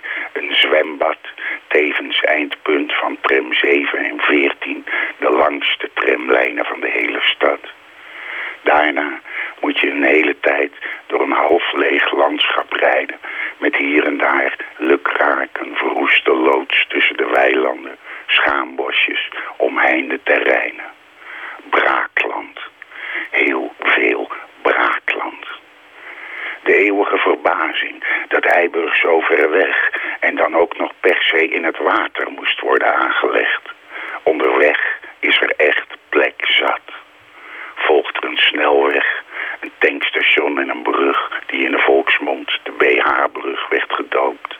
En dan ben je er eindelijk op de Eiburglaan die de gehele wijk kilometers lang doorsnijdt. Daar aangekomen kent niemand het Rietlandpark waar ze adres houdt. Een vriendelijke voorbijganger zoekt het voor me op met zijn mobiel. Het blijkt gelegen langs de oostelijke handelskade, vlak achter het Centraal Station, waar ik later deze middag in Pakhuis de Zwijger de nieuwjaarsborrel van het Amsterdamse Fonds voor de Kunst niet zal bezoeken omdat ik eerst dat hele kutte en terug naar de stad moet fietsen. En daarna te lang bij het dubbeltalent blijf kletsen. Zo komen we natuurlijk nergens. Of overal. Ja, Dat over het, eh, over het verdwalen. Kan het eigenlijk nog wel verdwalen? Ik bedoel, gebeurt het nog wel genoeg? Want het heeft ook, hoe irritant het ook is, zeker als je op tijd moet zijn. En zeker als je, als je zoals in jouw geval, vaak naar een begrafenis of zoiets moet, waar je op tijd moet zijn. Maar toch heeft verdwalen ook een soort schoonheid, vind ik. Eh, nou, ik heb, er, ik heb er echt grondig te pest aan. Maar het gebeurt me echt eh, overal en altijd. En ook op plekken die ik eigenlijk wel ken. Dat vind ik bijna knap in de, in de tijd van TomTom en, eh, en andere navigatiesystemen. Ja, mijn lief heeft laatst eh, op mijn telefoon een, een soort eh, levende TomTom voor wandelaars geïnstalleerd. Waarmee je door de wereld kunt dwalen en dat hij, de, dat hij jou de hele tijd vertelt waar je bent. Ja, dan ben jij het blauwe bolletje en dan moet je naar het rode Ja. bolletje. En dan zie je vanzelf of het blauwe bolletje wat dichter Ja. naar het rode bolletje komt. Maar dat is, dan mijn, dat is dan beneden mijn waardigheid om het te laten leiden. Kijk, daar wringt de kous. Je verdwaalt, daar erger je je aan. Je ziet de schoonheid er niet van in, maar je weigert het anders te doen omdat je het zelf gered wil hebben. Ja, Ja, dat vind ik raar. Ja, ik ook. Ja, het, is, het valt niet mee om mij te zijn, Pieter. Nee, maar ik vind ook wel weer, eh, ook wel weer van, van een schoonheid. Zoals ik verdwalen mooi vind, vind ik iemand die ervoor kiest om te verdwalen en zich daaraan ergert. Dat vind ik helemaal van een onnoemelijke schoonheid. F. Starik, dank je wel. Succes morgenochtend met de uitvaart. En ik hoor graag eh, wat de dag je morgen brengt, morgennacht. Oké, Tot dan, goeienacht. De Amerikaanse soulzanger Lee Moses die, eh, heeft nooit echt de weg naar de wereldroem weten te vinden. Zijn hoogtijdagen waren in de jaren 60. En eigenlijk had hij die roem best verdiend. Luister maar naar zijn uitvoering van California Dreaming. All the leaves are.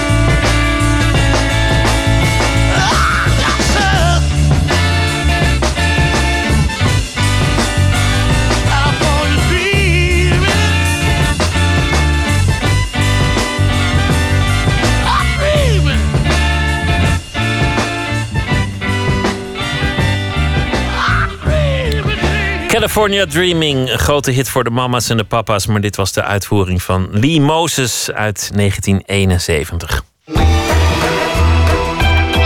Nooit meer slapen. Niet elk apparaat dat overbodig is geworden door een digitale opvolger verdwijnt daarmee ook meteen naar de schroothoop. Er zijn er die weggestopt als een hond in een asiel, op een dag weer worden opgehaald en aan een tweede leven kunnen beginnen.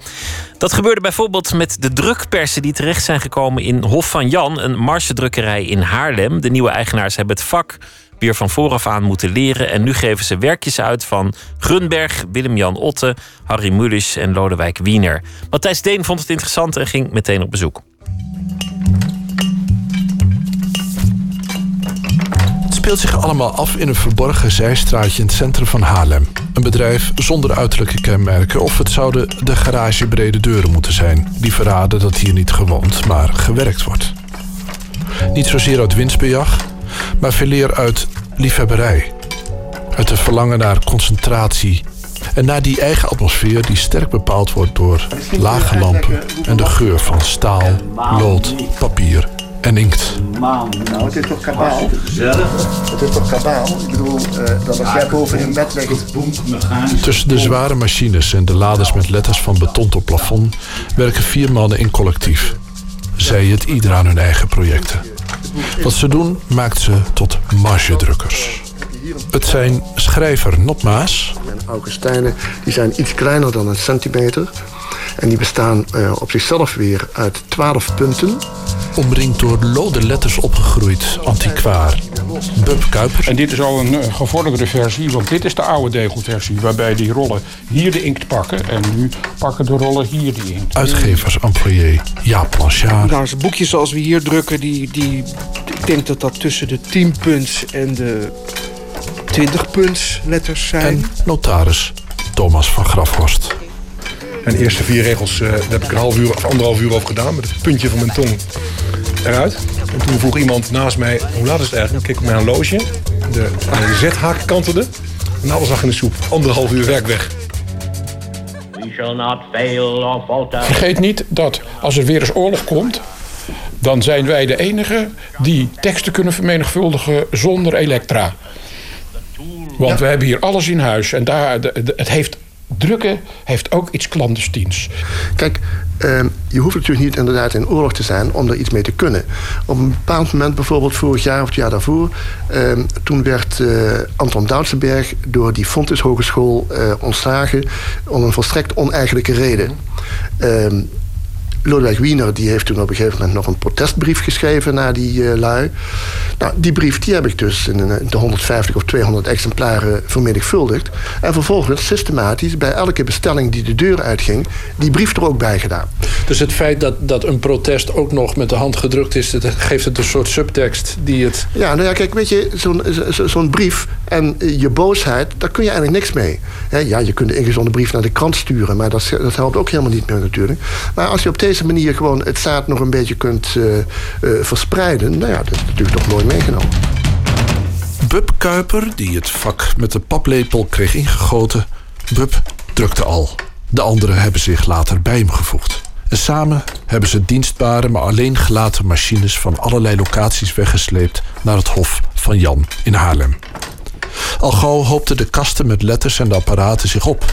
en ontstond de sfeer en de geur vooral van een ouderwets... deels hand en voet aangedreven drukkerij.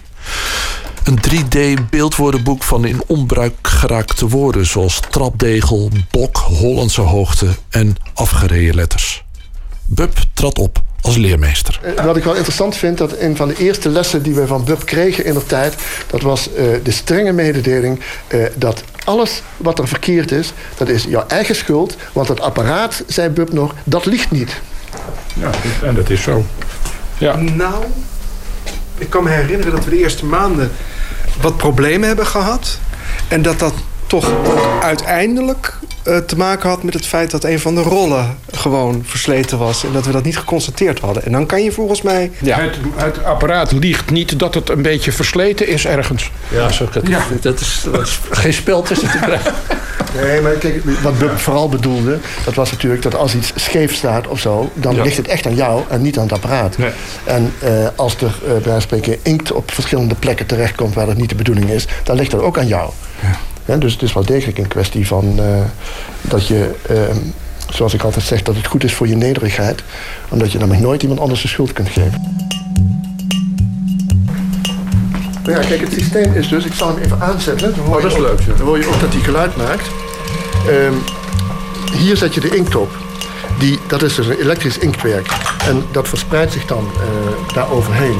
Vervolgens is het zo dat je, terwijl die van druk af is, inkt je de boel in. Dan eh, heb je hier een pedaal. En dan leg je... Daarmee gaan eh, deze knijpers omhoog. Dan leg je het eh, papier in. Je laat het pedaal los, dan zit dat papier vast. En met de hand draai je dan dat ding de kant op. En dan op het eind dan laat hij weer los. En als het een beetje mee zit en je hebt inkt op de pers, dan heb je een afdrukje. Dat doet me sterk denken aan de stencilmachine waarmee we de schoolkrant drukt. Ja, de, nou, dat soort charme heeft het natuurlijk ook. Zou je hem uit elkaar kunnen halen? Jazeker, dat zou kunnen. En, eh, dat En ook weer in elkaar kunnen. Zeker, want in de eerste weken dat wij hier zaten te prutsen... en we het apparaat nog niet goed snapten... en de dingen niet goed liepen... Van, was ik wel, eh, eh, vond, vond ik het wel erg grappig en leuk om eh, dat met regelmaat te doen. Waar zit het nou in? Hè? Haal het uit elkaar, zet het in elkaar. En wat kom je dan tegen als het uit elkaar haalt? Want je, het, Een ongelooflijk ingenieus, maar ook weer heel simpel mechaniek... die zorgt dat alles goed loopt. En dat moet natuurlijk min of meer altijd werken. En je moet van zo min mogelijk dingen afhankelijk zijn... en min, min mogelijk omgevingsfactoren hebben... die je route in het eten kunnen gooien. Dus het apparaat zit eigenlijk heel simpel in elkaar. Maar je moet het wel even snappen hoe het zit. Als iets kapot gaat, een reserveonderdelen zijn er niet meer. Nou, daar hebben wij een mannetje voor die dat voor ons... eh, die komt dan met de fiets uit Den Haag hier naartoe fietsen. en giet dan een nieuw tandwiel. Of maakt een nieuwe rol. Of die zet alles weer in elkaar wat wij dan zelf niet kunnen. In zekere zin de menselijke maat. Zeker, want snap jij een laserprinter of een computer of een tekstverwerker, dat snap je niet. Maar dit is, dit is heel goed te snappen. Dit is gewoon stempelen. Nee, maar dat is echt iets belangrijks. Want in feite doe je een uitspraak over het feit dat wij vanwege de technologie vervreemd zijn met de dingen waar we mee omgaan. Ja, dat is ook zo. En dat heb je hier helemaal niet. Dit is buitengewoon bazaal. Iedereen kan het snappen. Iedereen kan het ook doen. Het enige wat je moet doen is enige handigheid hebben. Maar dat uh, kan je aanleren.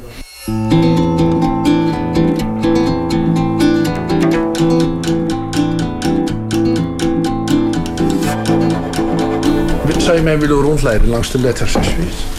Nou, kijk, um, hier hebben we bijvoorbeeld onze kasten met spectrum. Hier hebben we onze Garamond. En hier ben ik dus bezig om uh, uit uh, een ontzettend leuk lettertje, de Arsis, uh, een tekstje te zetten. En dat gaat dus, zoals je ziet, uh, lettertje voor lettertje. Nou, kijk, en wat je dus eigenlijk doet, dat is uh, letter voor letter inleggen. Als je de regel vol hebt, dan zet je hem over op zo'n galei. Hier zie je dus eigenlijk een pagina en dit is bijna een pagina. En later schuif je die boel dan op die pers. En dan zet je het vast en dan kun je dus uh, aan de gang met, uh, met drukken. Als ik me iets voorstel bij het hele proces... dan lijkt me het gepriegel met die letters eigenlijk het, het vervelendste. Nee, nee, nee, want dat is eigenlijk een misverstand. Um, ik vind namelijk eigenlijk... Um, alle onderdelen van het werk vind ik leuk. Behalve het schoonmaken van de pers, want dat is nu helemaal geknoei. Maar uh, ik vind het zetten eigenlijk hartstikke fijn en rustgevend. Ik ben zelfs een Wat van de... gebeurt er dan? Wat, uh... Het was niet voor niks dat uh, vroeger uh, de zetters de intellectuelen onder de arbeiders waren. Dat waren namelijk mensen die zaten, zaten voortdurend al die teksten te zetten. En zonder dat ze er veel erg in hadden, lazen ze die dingen ook. En je leest ze natuurlijk heel goed. Is ja, het zo dat je dichter bij een tekst bijna niet komen kan? Of? Ja, eigenlijk vind ik dat wel een beetje. Ik bedoel, ik begin, uh, als ik sta te zetten... dan ontwikkel ik allerlei ideeën over uh, wat voor stijl deze auteur heeft. En uh, soms kun je op een gegeven moment zien... aan de hoeveelheid hoofdletters I die je gebruikt... dat dit wel een heel erg ik-gerichte auteur is. Die zinnen dan ook begint met ik, hè? Ja, alle zinnen beginnen met ik, bij wijze van spreken. En dat kan natuurlijk een stijlmiddel zijn. maar er zijn inderdaad wel auteurs die dat heel erg hebben.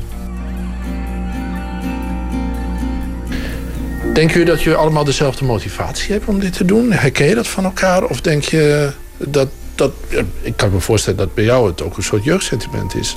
Dat er iets nou, is in je. heeft zeker meegespeeld om het zelf ook te willen, willen gaan doen. Want als je hier binnenkomt, je ruikt het meteen. Ja, ja, ja. Bijna op de stoep al. Ja. Nee, je begint te klimmen. Ja, ja. Ja, de- eh, dat is dus inderdaad wel... eh, het werkt wel verslavend, hè? Ik werk vier dagen in de week bij een, bij een uitgeverij. En daarnaast eh, beun ik een beetje bij als, eh, als antiquaar. En eh, toen ik daarmee begon, toen, toen kende ik eigenlijk dat hele bibliophile circuit niet. En als je dan toch regelmatig van die kleine, met veel aandacht en liefde gemaakte boekjes door je handen laat gaan, dat heeft mij wel getriggerd. Dat ik dacht van, goh, eh, wie zijn die mensen die dat maken? En eh, als je dan ook nog merkt dat er eh, een hoop mensen zijn die dat leuk vinden en die dat gaan verzamelen, dan eh, ja, het is voor mij wel, het is voor mij wel een, een, een reden geweest om hier aan te beginnen. Om, om het ook zelf eens te gaan doen en om zelf iets te creëren. En, ja, van niets, van een idee, van een, een tekst die je aan iemand vraagt, iets moois te maken. Eh, heb, je, heb je het idee dat je, dat je iets in stand houdt? Wat, eh, ik bedoel, is het ook een soort ehm, tegenstroom in de tijd? Of, of maak je dat allemaal niet uit? Is het veel meer een, een persoonlijke motivatie die je hebt? Nou, dus wel degelijk een, een, een idealistisch element van... om, het, eh, om dit cultuurgoed eh, te proberen te bewaren. En, en, en vooral ook draaiend te houden. Een levend cultuurgoed te laten zijn. Maar hoezo? Wat, wat, geeft dan niks dat het weggaat? Of? Nou, eh, het drukwerk van, van, eh, op deze manier gemaakt is ook heel mooi. En is vaak veel mooier dan het modern gemaakte drukwerk. Laat Niks zien, van te laat zeggen. laat eens zien. Ja, daar moet je een beetje gevoel voor hebben. Maar veel mensen zijn er gelukkig gevoelig voor. Eh, je voelt dus gewoon dat hier iets eh, gebeurd is. Het heeft een soort textuur. Je, je, je gaat nu met je vingers over de Ja, kijk, bladspiegel. drukwerk, dat leeft. Daar is iets mee gebeurd. Het is ook veel duurzamer. Maar het is gewoon eigenlijk vooral het, eh, het idee dat je gewoon zelf een product kunt maken dat niet gelikt is, maar eh, ja, inderdaad, zoals ik al zeg, leeft. Bob Maas, Bub Kuiper, Jaap Blansjaar en Thomas van Grafhorst van drukkerij De Hof van Jan in Haarlem. Geïnterviewd door Matthijs Deen. Een duo uit Canada, Magical Clouds heten ze. Het derde album heeft als titel Are You Alone? Verscheen eh, eind van het vorig jaar. En dit stuk vond eh, onze muzieksamensteller Lotje IJzermans daarop. De titel daarvan is Downtown.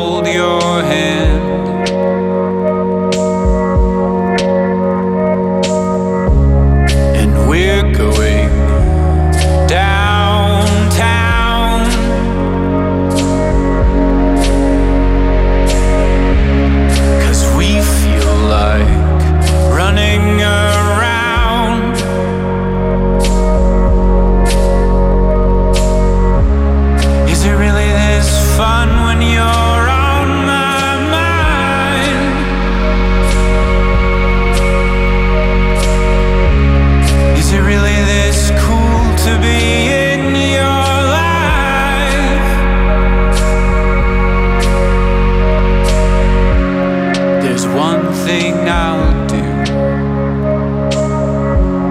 if it ever goes wrong. I'll write you into all of my songs.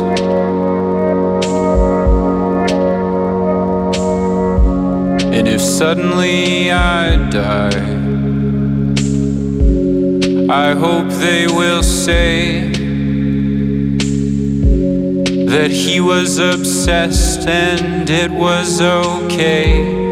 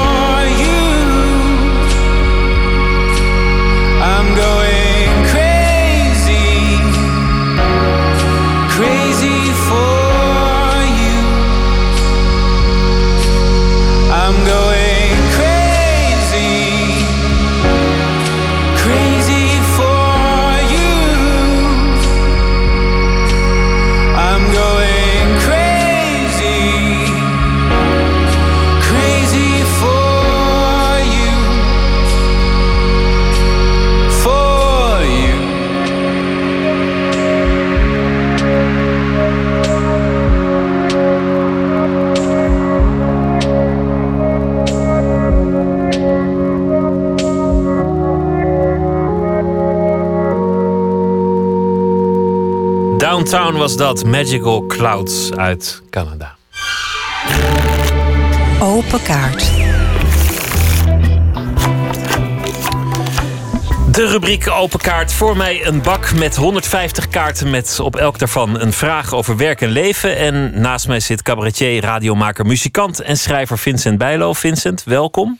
Dankjewel. Leuk dat je er bent. Uh, de reden dat we je hebben uitgenodigd is uh, dat je zondagmiddag in Leiden in het Museum Boerhaven samen met psycholoog Douwe Drijsma een lezing zal geven over dromen. Ja. En dan uh, vooral in jouw geval over de dromen van blinden.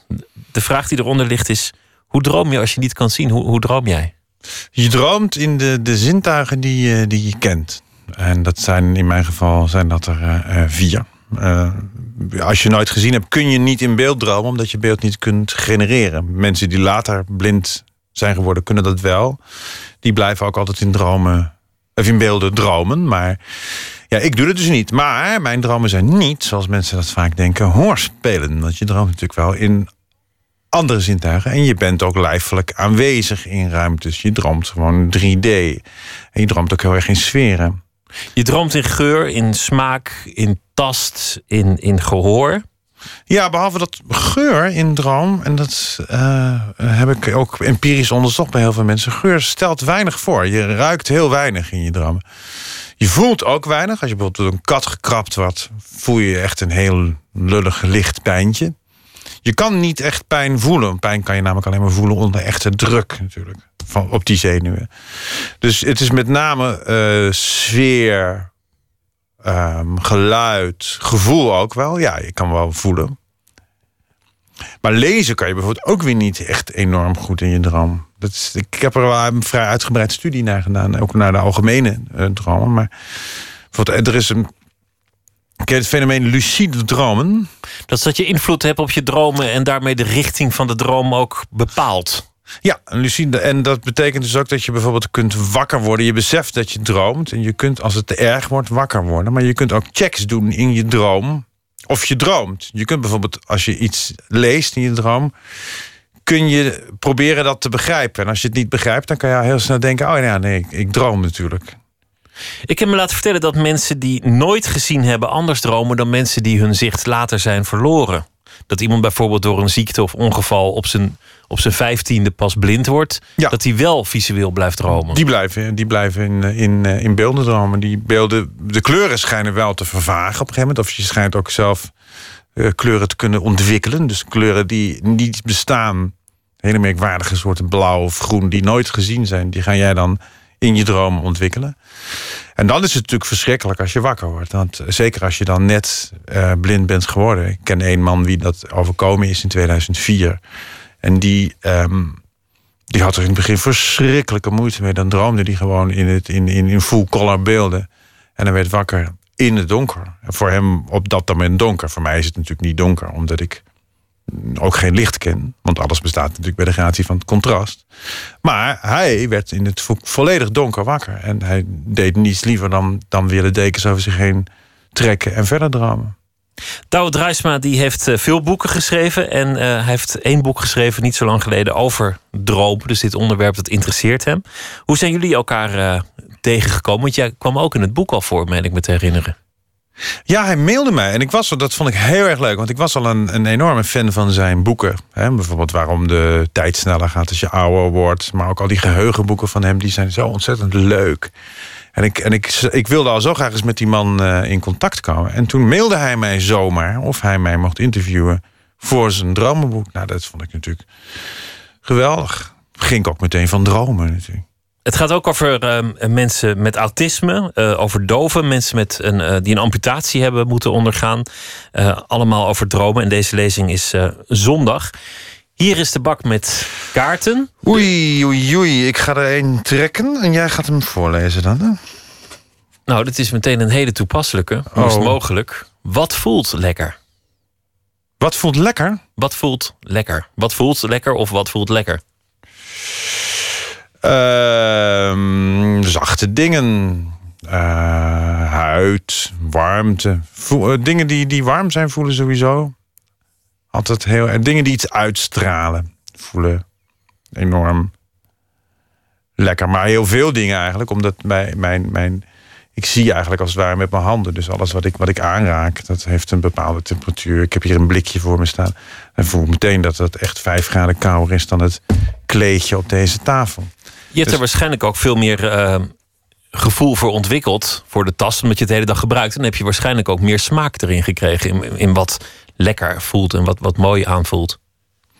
Nou, ik heb, ik heb een, eh, een hele slechte smaak. Want ik hou enorm van kitsch omdat dat zo lekker voelt. Mijn, mijn vrouw vindt het verschrikkelijk als, als ik bijvoorbeeld wijs in Engels, Engeland in een pub zit of zo. Dan heb je van die tafels met van die gegolfde randen en zo. En van die eh, eikenhouten, belachelijke poten met tierlantijntjes. Nou, ik vind het geweldig. En ik, zei, ik zou het liefst die tafel willen kopen, maar het, het is walgelijk. Dus ik heb een enorme kietscherige smaak. Omdat kiets is, dat voelt leuk. Dat voelt lekker Het voelt en lekker, leuk ja, ja, en mooi. absoluut. Ja. Pak nog een kaart als je wil. Oké, weer een hele toepasselijke wordt dit, denk ik. Wat doe je om jezelf te troosten? Ehm, poëzie schrijven. Ehm, me comfortabel voelen in mijn gedachten. Ik kan bijvoorbeeld ook. Ik kan mezelf warm denken. Als ik, als ik, als ik, het, eh, als ik me niet prettig voel, kan ik. eh, als ik maar lang genoeg aan warmte denk en mijn, gedachten bijvoorbeeld naar bepaalde ledematen laat gaan, naar mijn voeten of zo, of naar mijn, mijn armen dan worden die gebieden warm. En dan kan ik mezelf enorm mee troosten. Want dan, kan- dan ben ik echt in een soort, soort, soort kokon. En dan, krijg ik, dan word, ik, word ik veel rustiger. En eh, dan komt er dus een enorme...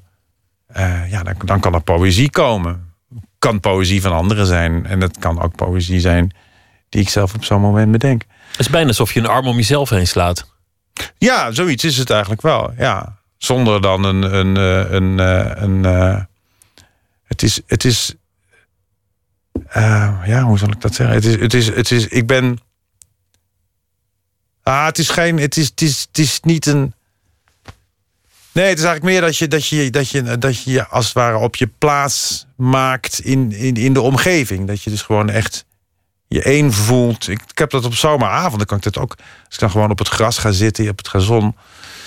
Nou joh, dan, ben ik, dan, dan voel ik haast de aarde draaien. En dan, dan denk ik echt van, ja, hier, hier hoor ik, hier moet ik zitten. Wil je nog een kaart pakken? En die voorste hier, want er zijn rode en blauwe kaarten. Daar zou ik je niet meer lastig vallen. Maar de blauwe gaan meer over werk. Die zitten hier aan deze kant. Oké, en wat is het verschil dan? Dat gaan we nu merken. Dat gaan we nu Dit mer- is een merken. blauwe kaart. Voor welk van je werken schaam je je? Ehm, ik schaam me. Nou, ik, ik, ik hoorde laatst mijn eerste eh cabaretshow terug. En daar schaamde ik me wel erg voor. Ja. Ik hoorde een soort. Een soort, soort, soort, soort als het ware. Dat, dat grappen eh, de zaal in slingeren op zo'n toon. En, en, het, en, en ik vond het zelf ook geweldig. Zo klinkt het althans. Alsof ik het echt fantastisch vond. En ik denk van, hoe kan ik nou voor zo'n voorstelling zulke goede recensies gehad hebben? En het was zo kinderachtig en stom en zo. Maar goed, ja, weet je, ja, dat is natuurlijk ook een, een, een, eh, een ontwikkeling die je doormaakt. Maar ik, volgens mij heb ik daar wel mee gemazzeld dat mensen dat, dat leuk vonden toen. Misschien kom je ermee weg als je een jonge man bent. En, en wat minder eh, eh, als je al, al twintig jaar of zo in het vak zit. Ja, dat denk ik wel. Want ik denk dat als, als ik nu zo zou. Als, je, als, je dat, als dit nu. eh, nou, misschien was het ook de tijd. Want ik ben in 88 begonnen en toen was er niet zoveel cabaret. Dat was en nu is er natuurlijk zo verschrikkelijk veel. En het was toen ook meer het, het ouderwetse cabaret. En dat ouderwets bedoel ik niet met eh, aanmatigend. Maar er zijn nu veel meer vormen van cabaret ontstaan. ja, ja, ja. Dan, dan er toen Het waren. was, het was toen heel, het was nu toch wel vrij klassiek, ja. ja. Maar dat wilde ik wel doorbreken, want ik hield, ik hield totaal niet van die, van die ouderwetse cabaretliedjes en dat, en dat, dat plingel plangel pianootjes. Dus ik wil. En de politiek. En, ja. Nou, die wel, want, maar die, die, die deed ik wel. Maar ik, maar ik roste enorm eh, veel blues en rock and roll op die piano. Wil je nog een kaart trekken? Ja, ik ga nog één. Dan ga ik weer om. Dit is een blauwe. Ja. Ik ga nog een blauwe doen. Bij wie ben je in de leer geweest? Ja, virtueel bij heel veel mensen. Dat begon eigenlijk met Herman Brood. Want ehm, van Herman Brood heb ik echt piano leren spelen. Dan niet la- daadwerkelijk, maar ik had pianoles. En daar leerde ik de kaboutermars en Marliesje gaat naar Dromeland. En toen ben ik ermee gestopt, want ik vond het zo verschrikkelijk. En toen hoorde ik brood spelen. En toen dacht ik, hé, hey, als je dat ook kan doen op een piano... ja, dan ga ik dat proberen. En dat heb ik toen gedaan. En wat laat ik nou op een avond in mijn stamcafé in Bussum eh, zijn... toen ik 19 was. En komt Herman Brood binnen. Dus toen hebben we gekatremet. Nou, jongen, dat was een stoer. Ik vind het grappig dat je het zegt, omdat in, jou, in jouw voorstellingen zit altijd een element van, van rock and roll. Zelfs nu je zegt dat je rustiger bent geworden, het, het is wel in Ja. zekere zin rock and roll cabaret. Het is er altijd, ja, absoluut. Het is er altijd. Het is, het is altijd lawaai en, en, en, en reuring in. Dus hij was de eerste. En later eigenlijk, eigenlijk uh, Bram Vermeulen ook. Natuurlijk, dat was ook iemand die... eh, die eh, Ook een beetje rock and roll cabaret. Ja, ja, en daar heb ik ook heel veel van geleerd. Maar ook, ook echt hoor, want wij hebben ook ontzettend veel gehoord over muziek. En, eh, en wat, wat, wat, wat goede muziek was en wat het moest zijn. Wil je er nog geen pakken? Oké, dan ga ik nu weer een, eh, een rode doen. Hier, ik Ja. weet het gewoon. hè. Ik zie het niet eens. Maar... Geloof je in God? Nee, ik geloof wel dat mensen iets goddelijks in zich hebben. Ik denk dat, mens, dat wat mensen God noemen, of wat ze God willen zijn, dat dat eigenlijk in de mensen zit. Dus dat we ook niet omhoog moeten kijken, en, maar elkaar moeten zien, elkaar moeten aankijken. En dan zie je vanzelf wat wij, wat sommige mensen in God zoeken. Dat zit, dat zit in, in, in ons mensen. Maar in God geloof ik helemaal niet, omdat ik. Nee, ik, ik dan. Althans, als je dat streng doet, dan sluit je natuurlijk hele gebieden van je, van je, van je, van je hoofd af. En dan laat je die over aan een instantie. En daar ben ik totaal niet voor. Wil je er nog geen pakken? Waardoor werd je in je werk belemmerd? Ik denk in het begin zeker door de.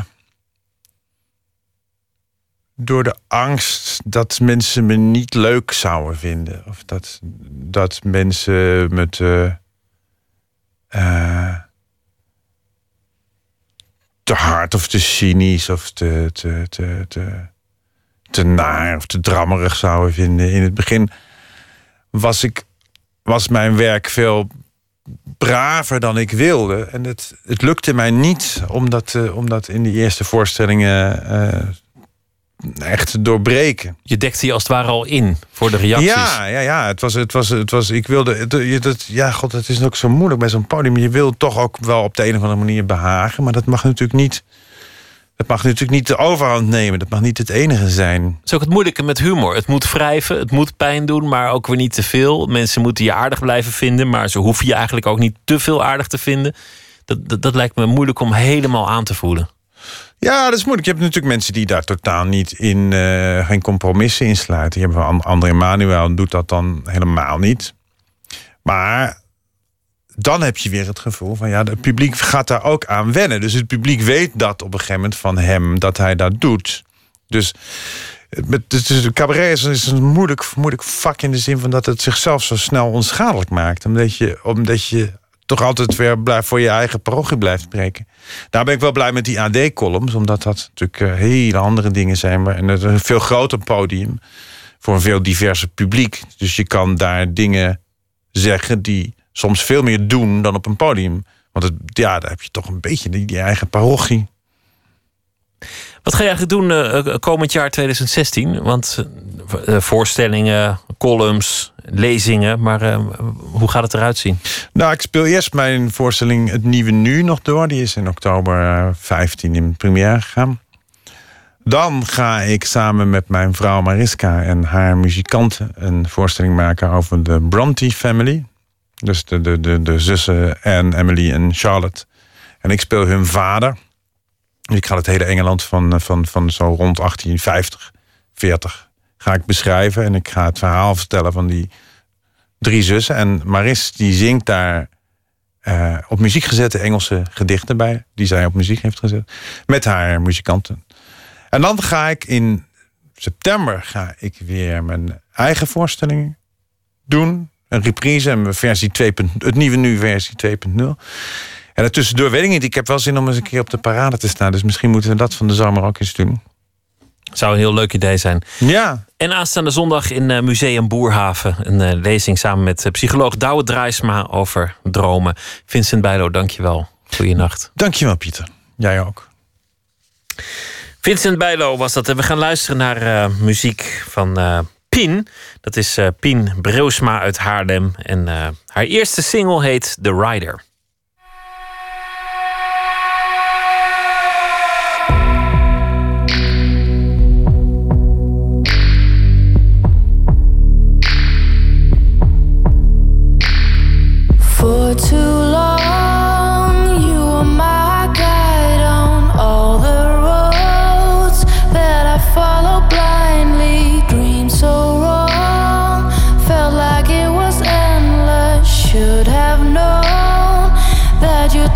Senses. Leave the lies. I know there is no way out. I'll be fine.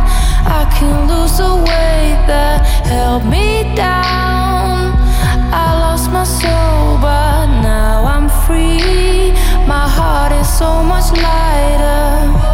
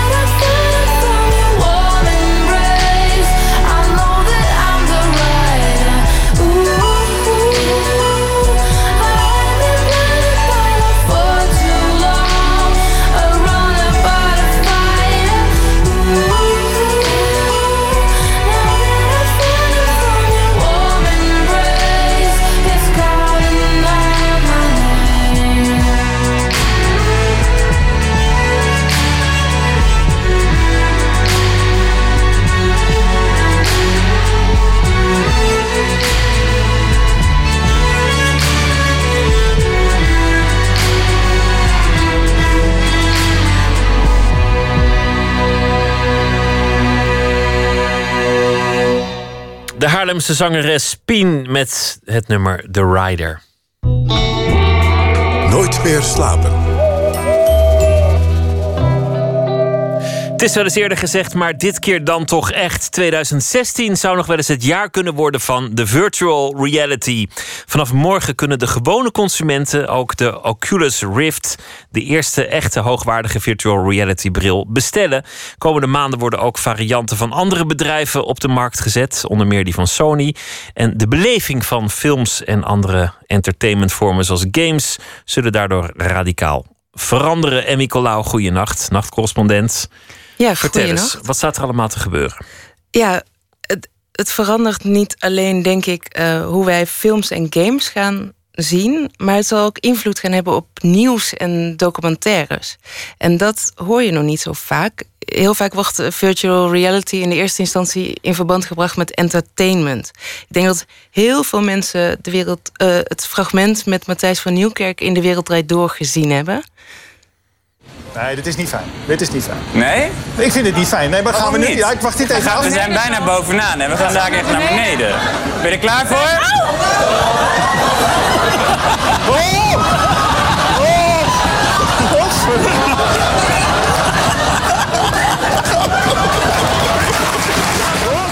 Nou, je ziet dus Matthijs van Nieuwkerk met zo'n grote zwarte virtual reality bril op. En hij denkt dat hij in een achtbaan zit. En hij gaat er helemaal in op. En uiteindelijk valt hij ook echt. Tot grote hilariteit van het publiek. Dus je kan je wel voorstellen dat. Het is zo echt blijkbaar dat dit enorm perspectief biedt voor, voor thrillers. Eh, je ziet het zo voor je dat je in een film zit en dat je achtervolgd wordt in een bos. en Dat je ook echt om je heen kan kijken. En, Matthijs, Matthijs zag er niet heel gelukkig uit. Het was niet eh, dat- dat hij, dat hij heel blij was met de nieuwe gadget. Dat, dat kunnen we nog niet zeggen, volgens mij. Nee, maar als je naar een thriller gaat, dan wil je dat misschien ook wel, dat effect eh, hebben. Je zei het zal ook de manier waarop wij nieuws en documentaires kijken kunnen veranderen. Dat, dat is een interessant aspect. Ja, want wat er dus ook gemaakt kan worden, is eh, ehm, bijvoorbeeld een verslag van een bombardement op Aleppo. Dat je opeens in een straat bent in Aleppo. En dat je gewoon om je heen kan kijken. Dat, dat een gebouw instort. Dat je mensen weg ziet rennen. Alsof je daar gewoon echt eh, bij bent. Eh, en dat bestaat eigenlijk al. Er wordt een beetje mee geëxperimenteerd. En Janief Wolf, dat is een, een man die bij Submarine werkt, een productiebedrijf dat heel veel experimenteert nu met interactieve documentaires. En hij zag vorig jaar al zo'n voorbeeld van een bombardement. En dat maakte wel indruk. echt een angstig gevoel kreeg ervan. Om je heen zie je gewoon een stad en je hebt ook echt het gevoel dat, die bommen heel dichtbij afgaan, zeg maar. Er zijn ook mensen die daarom ook heel erg snel eh, het VR zeg maar, achter zich laten. En zeggen van ja, ik, ik kan daar helemaal niet tegen, joh, is, het komt heel dichtbij. Want meestal is dat zo, hè? Waar, waar het nieuws is, daar wil je eigenlijk niet zijn. Je wil het niet meemaken, een bombardement of, eh, of, of een ramp.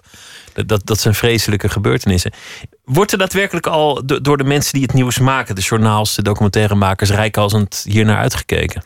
Ja, ik denk het wel. Want ik denk dat journalisten en verslaggevers en documentairemakers juist wel willen dat jij er echt bij bent. En dat ze ook Die willen het overbrengen, die willen laten zien: kijk, dit gebeurt hier, of, of dit verhaal is belangrijk, of wat dan ook. Ja, dit is een vluchtelingenkamp en wat hier gebeurt is heel erg. En het is steeds moeilijker om dat effect ook over te brengen. Want we zijn zoveel gewend. We hebben zoveel beelden van ellende gezien en geweld. En, eh, dus ik denk dat zij inderdaad daar eh, heel erg op in gaan zetten. Want het is gewoon een hele fijne nieuwe manier.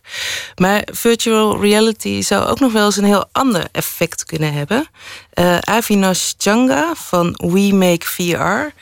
Dat is een bedrijfje dat echt een van de pioniers is op het gebied van virtual reality. En hij voorziet een democratisering van de nieuwsvoorziening. Op dit moment, als je als verslaggever een reportage maakt, kleur jij als verslaggever het verhaal. Jij bepaalt het kader, jij pikt bepaalde onderdelen daaruit. VR democratiseert bijna eh, de, de documentaire eh, maakindustrie. Eh, stel je voor, je bent in een, in een oorlogsgebied en ergens op de hoek van een straat is er een ongeluk gebeurd. En dat ziet er vreselijk uit. Je kan daar dicht met je camera bovenop gaan zitten en het is heel dramatisch. De wereld ziet dat en is in shock. Als je vijf meter of tien meter naar links en naar rechts kijkt, blijkt dat daar gewoon marktraampjes zijn en er verder niet zoveel aan de hand is, maar dat er gewoon een klein verkeersongeluk is gebeurd, wat er heel dramatisch uitzag. Dat is natuurlijk een heel ander beeld van de realiteit. Maar dan heb je het ook wel over, over vrij slechte journalistiek als iemand zijn kader zo willekeurig eh, kiest. Ja, dat eh, lijkt me ook. Maar ik kan aan de andere kant wel voorstellen dat als je met die journalist mee kan kijken, 360 graden om hem heen, dan krijg je wel toch een, een vollediger beeld van wat daar aan de hand is. Je zou bijvoorbeeld kunnen zien dat er nog 40 journalisten naast je staan die datzelfde stenen gooiende jongetje filmt. eh, waarvan er maar één is, terwijl alle andere mensen vreedzaam demonstreren. Dus je kan dan wel een beter beeld zelf als, als consument kan je beter bepalen wat nou de waarheid is. Van is ook fragment. bekend hè, dat, je dan, dat je dan één plein hebt waar alle journalisten staan. En drie straten verder eh, kun je gewoon naar het café en, en merk je niks. Dat, dat is wel bekend. Maar dan zou je dus met VR zou je een, een, een breder beeld kunnen, kunnen scheppen. Je kunt dus ook zelf bepalen wat je bekijkt als kijker. Maar daardoor zou je ook juist dingen zelf weer kunnen selecteren of, of missen. Bijvoorbeeld omdat je afgeleid bent door een andere plek waar je net aan het kijken bent. Ja, dan zou je dus gewoon het hele nieuws kunnen missen. Dus net dat waar je. Stel aan de ene kant loopt een overvaller. Daar gaat het over, maar er vliegt een eh, helikopter over. En je bent net met je virtual reality bril naar die helikopter aan het kijken. Dan mis je gewoon het hele nieuws. Dus het heeft ook iets heel onhandigs. Die Want- rol van de journalist wordt ook een beetje. van de documentairemaker wordt ook heel moeilijk. Want, Want dat hoe- is juist waarom je een journalist nodig hebt. Je kunt niet overal tegelijk zijn, dus heb je anderen die dat voor jou doen. Dat, dat is het traditionele vak van verslaggever. Jij kon er niet bij zijn, maar ik vertel je wat daar gebeurd is. Ja, die Janief Wolf van Submarine... die is dus ook nog wel een beetje sceptisch over deze ontwikkeling. Die zegt, dit is lang niet geschikt voor, voor alle verhalen. Je moet steeds kijken waar het geschikt voor is. Wat lastig kan zijn, is dat je niet altijd eh, wil dat de kijker alle kanten op kijkt en, en, en niet geregisseerd kan worden. Ja, hij stipt dus, dus eigenlijk ook een van de grootste uitdagingen van virtual reality aan. Waar kijkt de mens naar als hij zelf kan kiezen? En die grote bedrijven zoals Google zijn nu ook heel erg aan het uitzoeken van. Ja, hoe werkt eigenlijk dat brein? Als hier iets gebeurt en daar iets gebeurt, waar kijk je dan naar? En kan je dat dan ook weer sturen? Dus tot zover dan ook die democratisering van de nieuwsvoorziening. Als mensen dat toch weer gaan manipuleren en, en proberen te beïnvloeden. Welk medium het ook wordt, mensen worden altijd eh, beïnvloed en, en eh, gefopt uiteindelijk. Dat, dat zal er altijd wel blijven, denk ik. Het wordt volgens mij heel spannend. Ook voor de journalistiek, voor documentaires, maar ook voor, natuurlijk vooral voor eh, films en, en games en, en alles. En vanaf dit jaar komen ze dus op de markt, de virtual reality brillen. En Nicolaou, dankjewel. Robert Hilburn die schreef een eh, biografie over Johnny Cash niet zo lang geleden. En het eh, beeld dat daarin reist van de man is toch wat minder romantisch dan in de film Walk the Line of in eerdere boeken over de, de man naar voren kwam. Maar fascinerend blijft Johnny Cash zonder meer. En ook een eh, geweldig muzikant. Hier is Wanted Man. Oh, niet eh, Johnny Cash. Nou ja, dan niet. We gaan eh, luisteren naar Guus Luiters, want hij is dichter, eh, vertaler, schrijver en samensteller van bloemlezingen. Johnny Cash houdt u te goed. En we gaan luisteren naar zijn keuze. En dit keer heeft hij gekozen voor een gedicht van Paul van Ostaaien.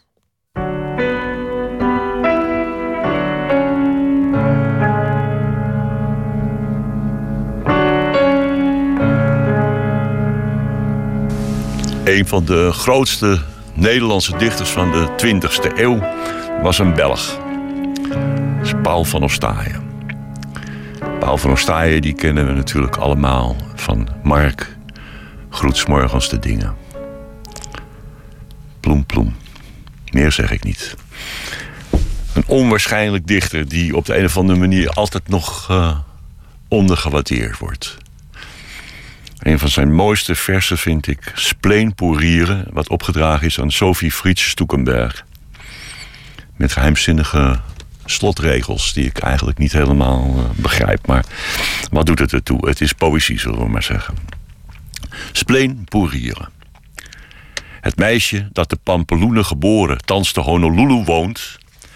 en in een rode lakkooi gevangen houdt... een kobaltblauwe papegaai... Ze schilderde hem met Ripolin-couleuren, zoals gezegd, de veren blauw, de snavel en de poten geel. Het meisje van Pampeluna te Honolulu, dat om haar hoge hals heeft een krans van purperen anemonen, op haar opale borst kleine barokkoralen en om haar dijen niets, vogelveren, dorsten haar dijen niet te dragen. Zozeer zijn dun haar dunne dijen. Dit pampeloenenmeisje dat te Honolulu woont, ken ik niet. Priez toujours pour le pauvre Caspar. Il n'est pas encore mort ce soir. Guus Luiters las een gedicht van Paul van Ostaaije, Spleen pour rire.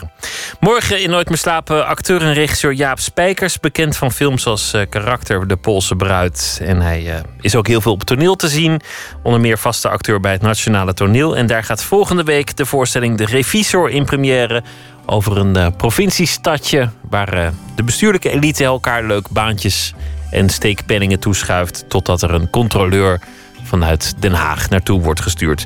Een eh, grappig toneelstuk gaat het worden. Dat morgen in Nooit meer slapen. Voor nu een hele goede nacht. Morgen een leuke dag. Ik hoop dat u morgen weer luistert. En straks op NPO Radio 1, de vrienden van WNL. Goeienacht.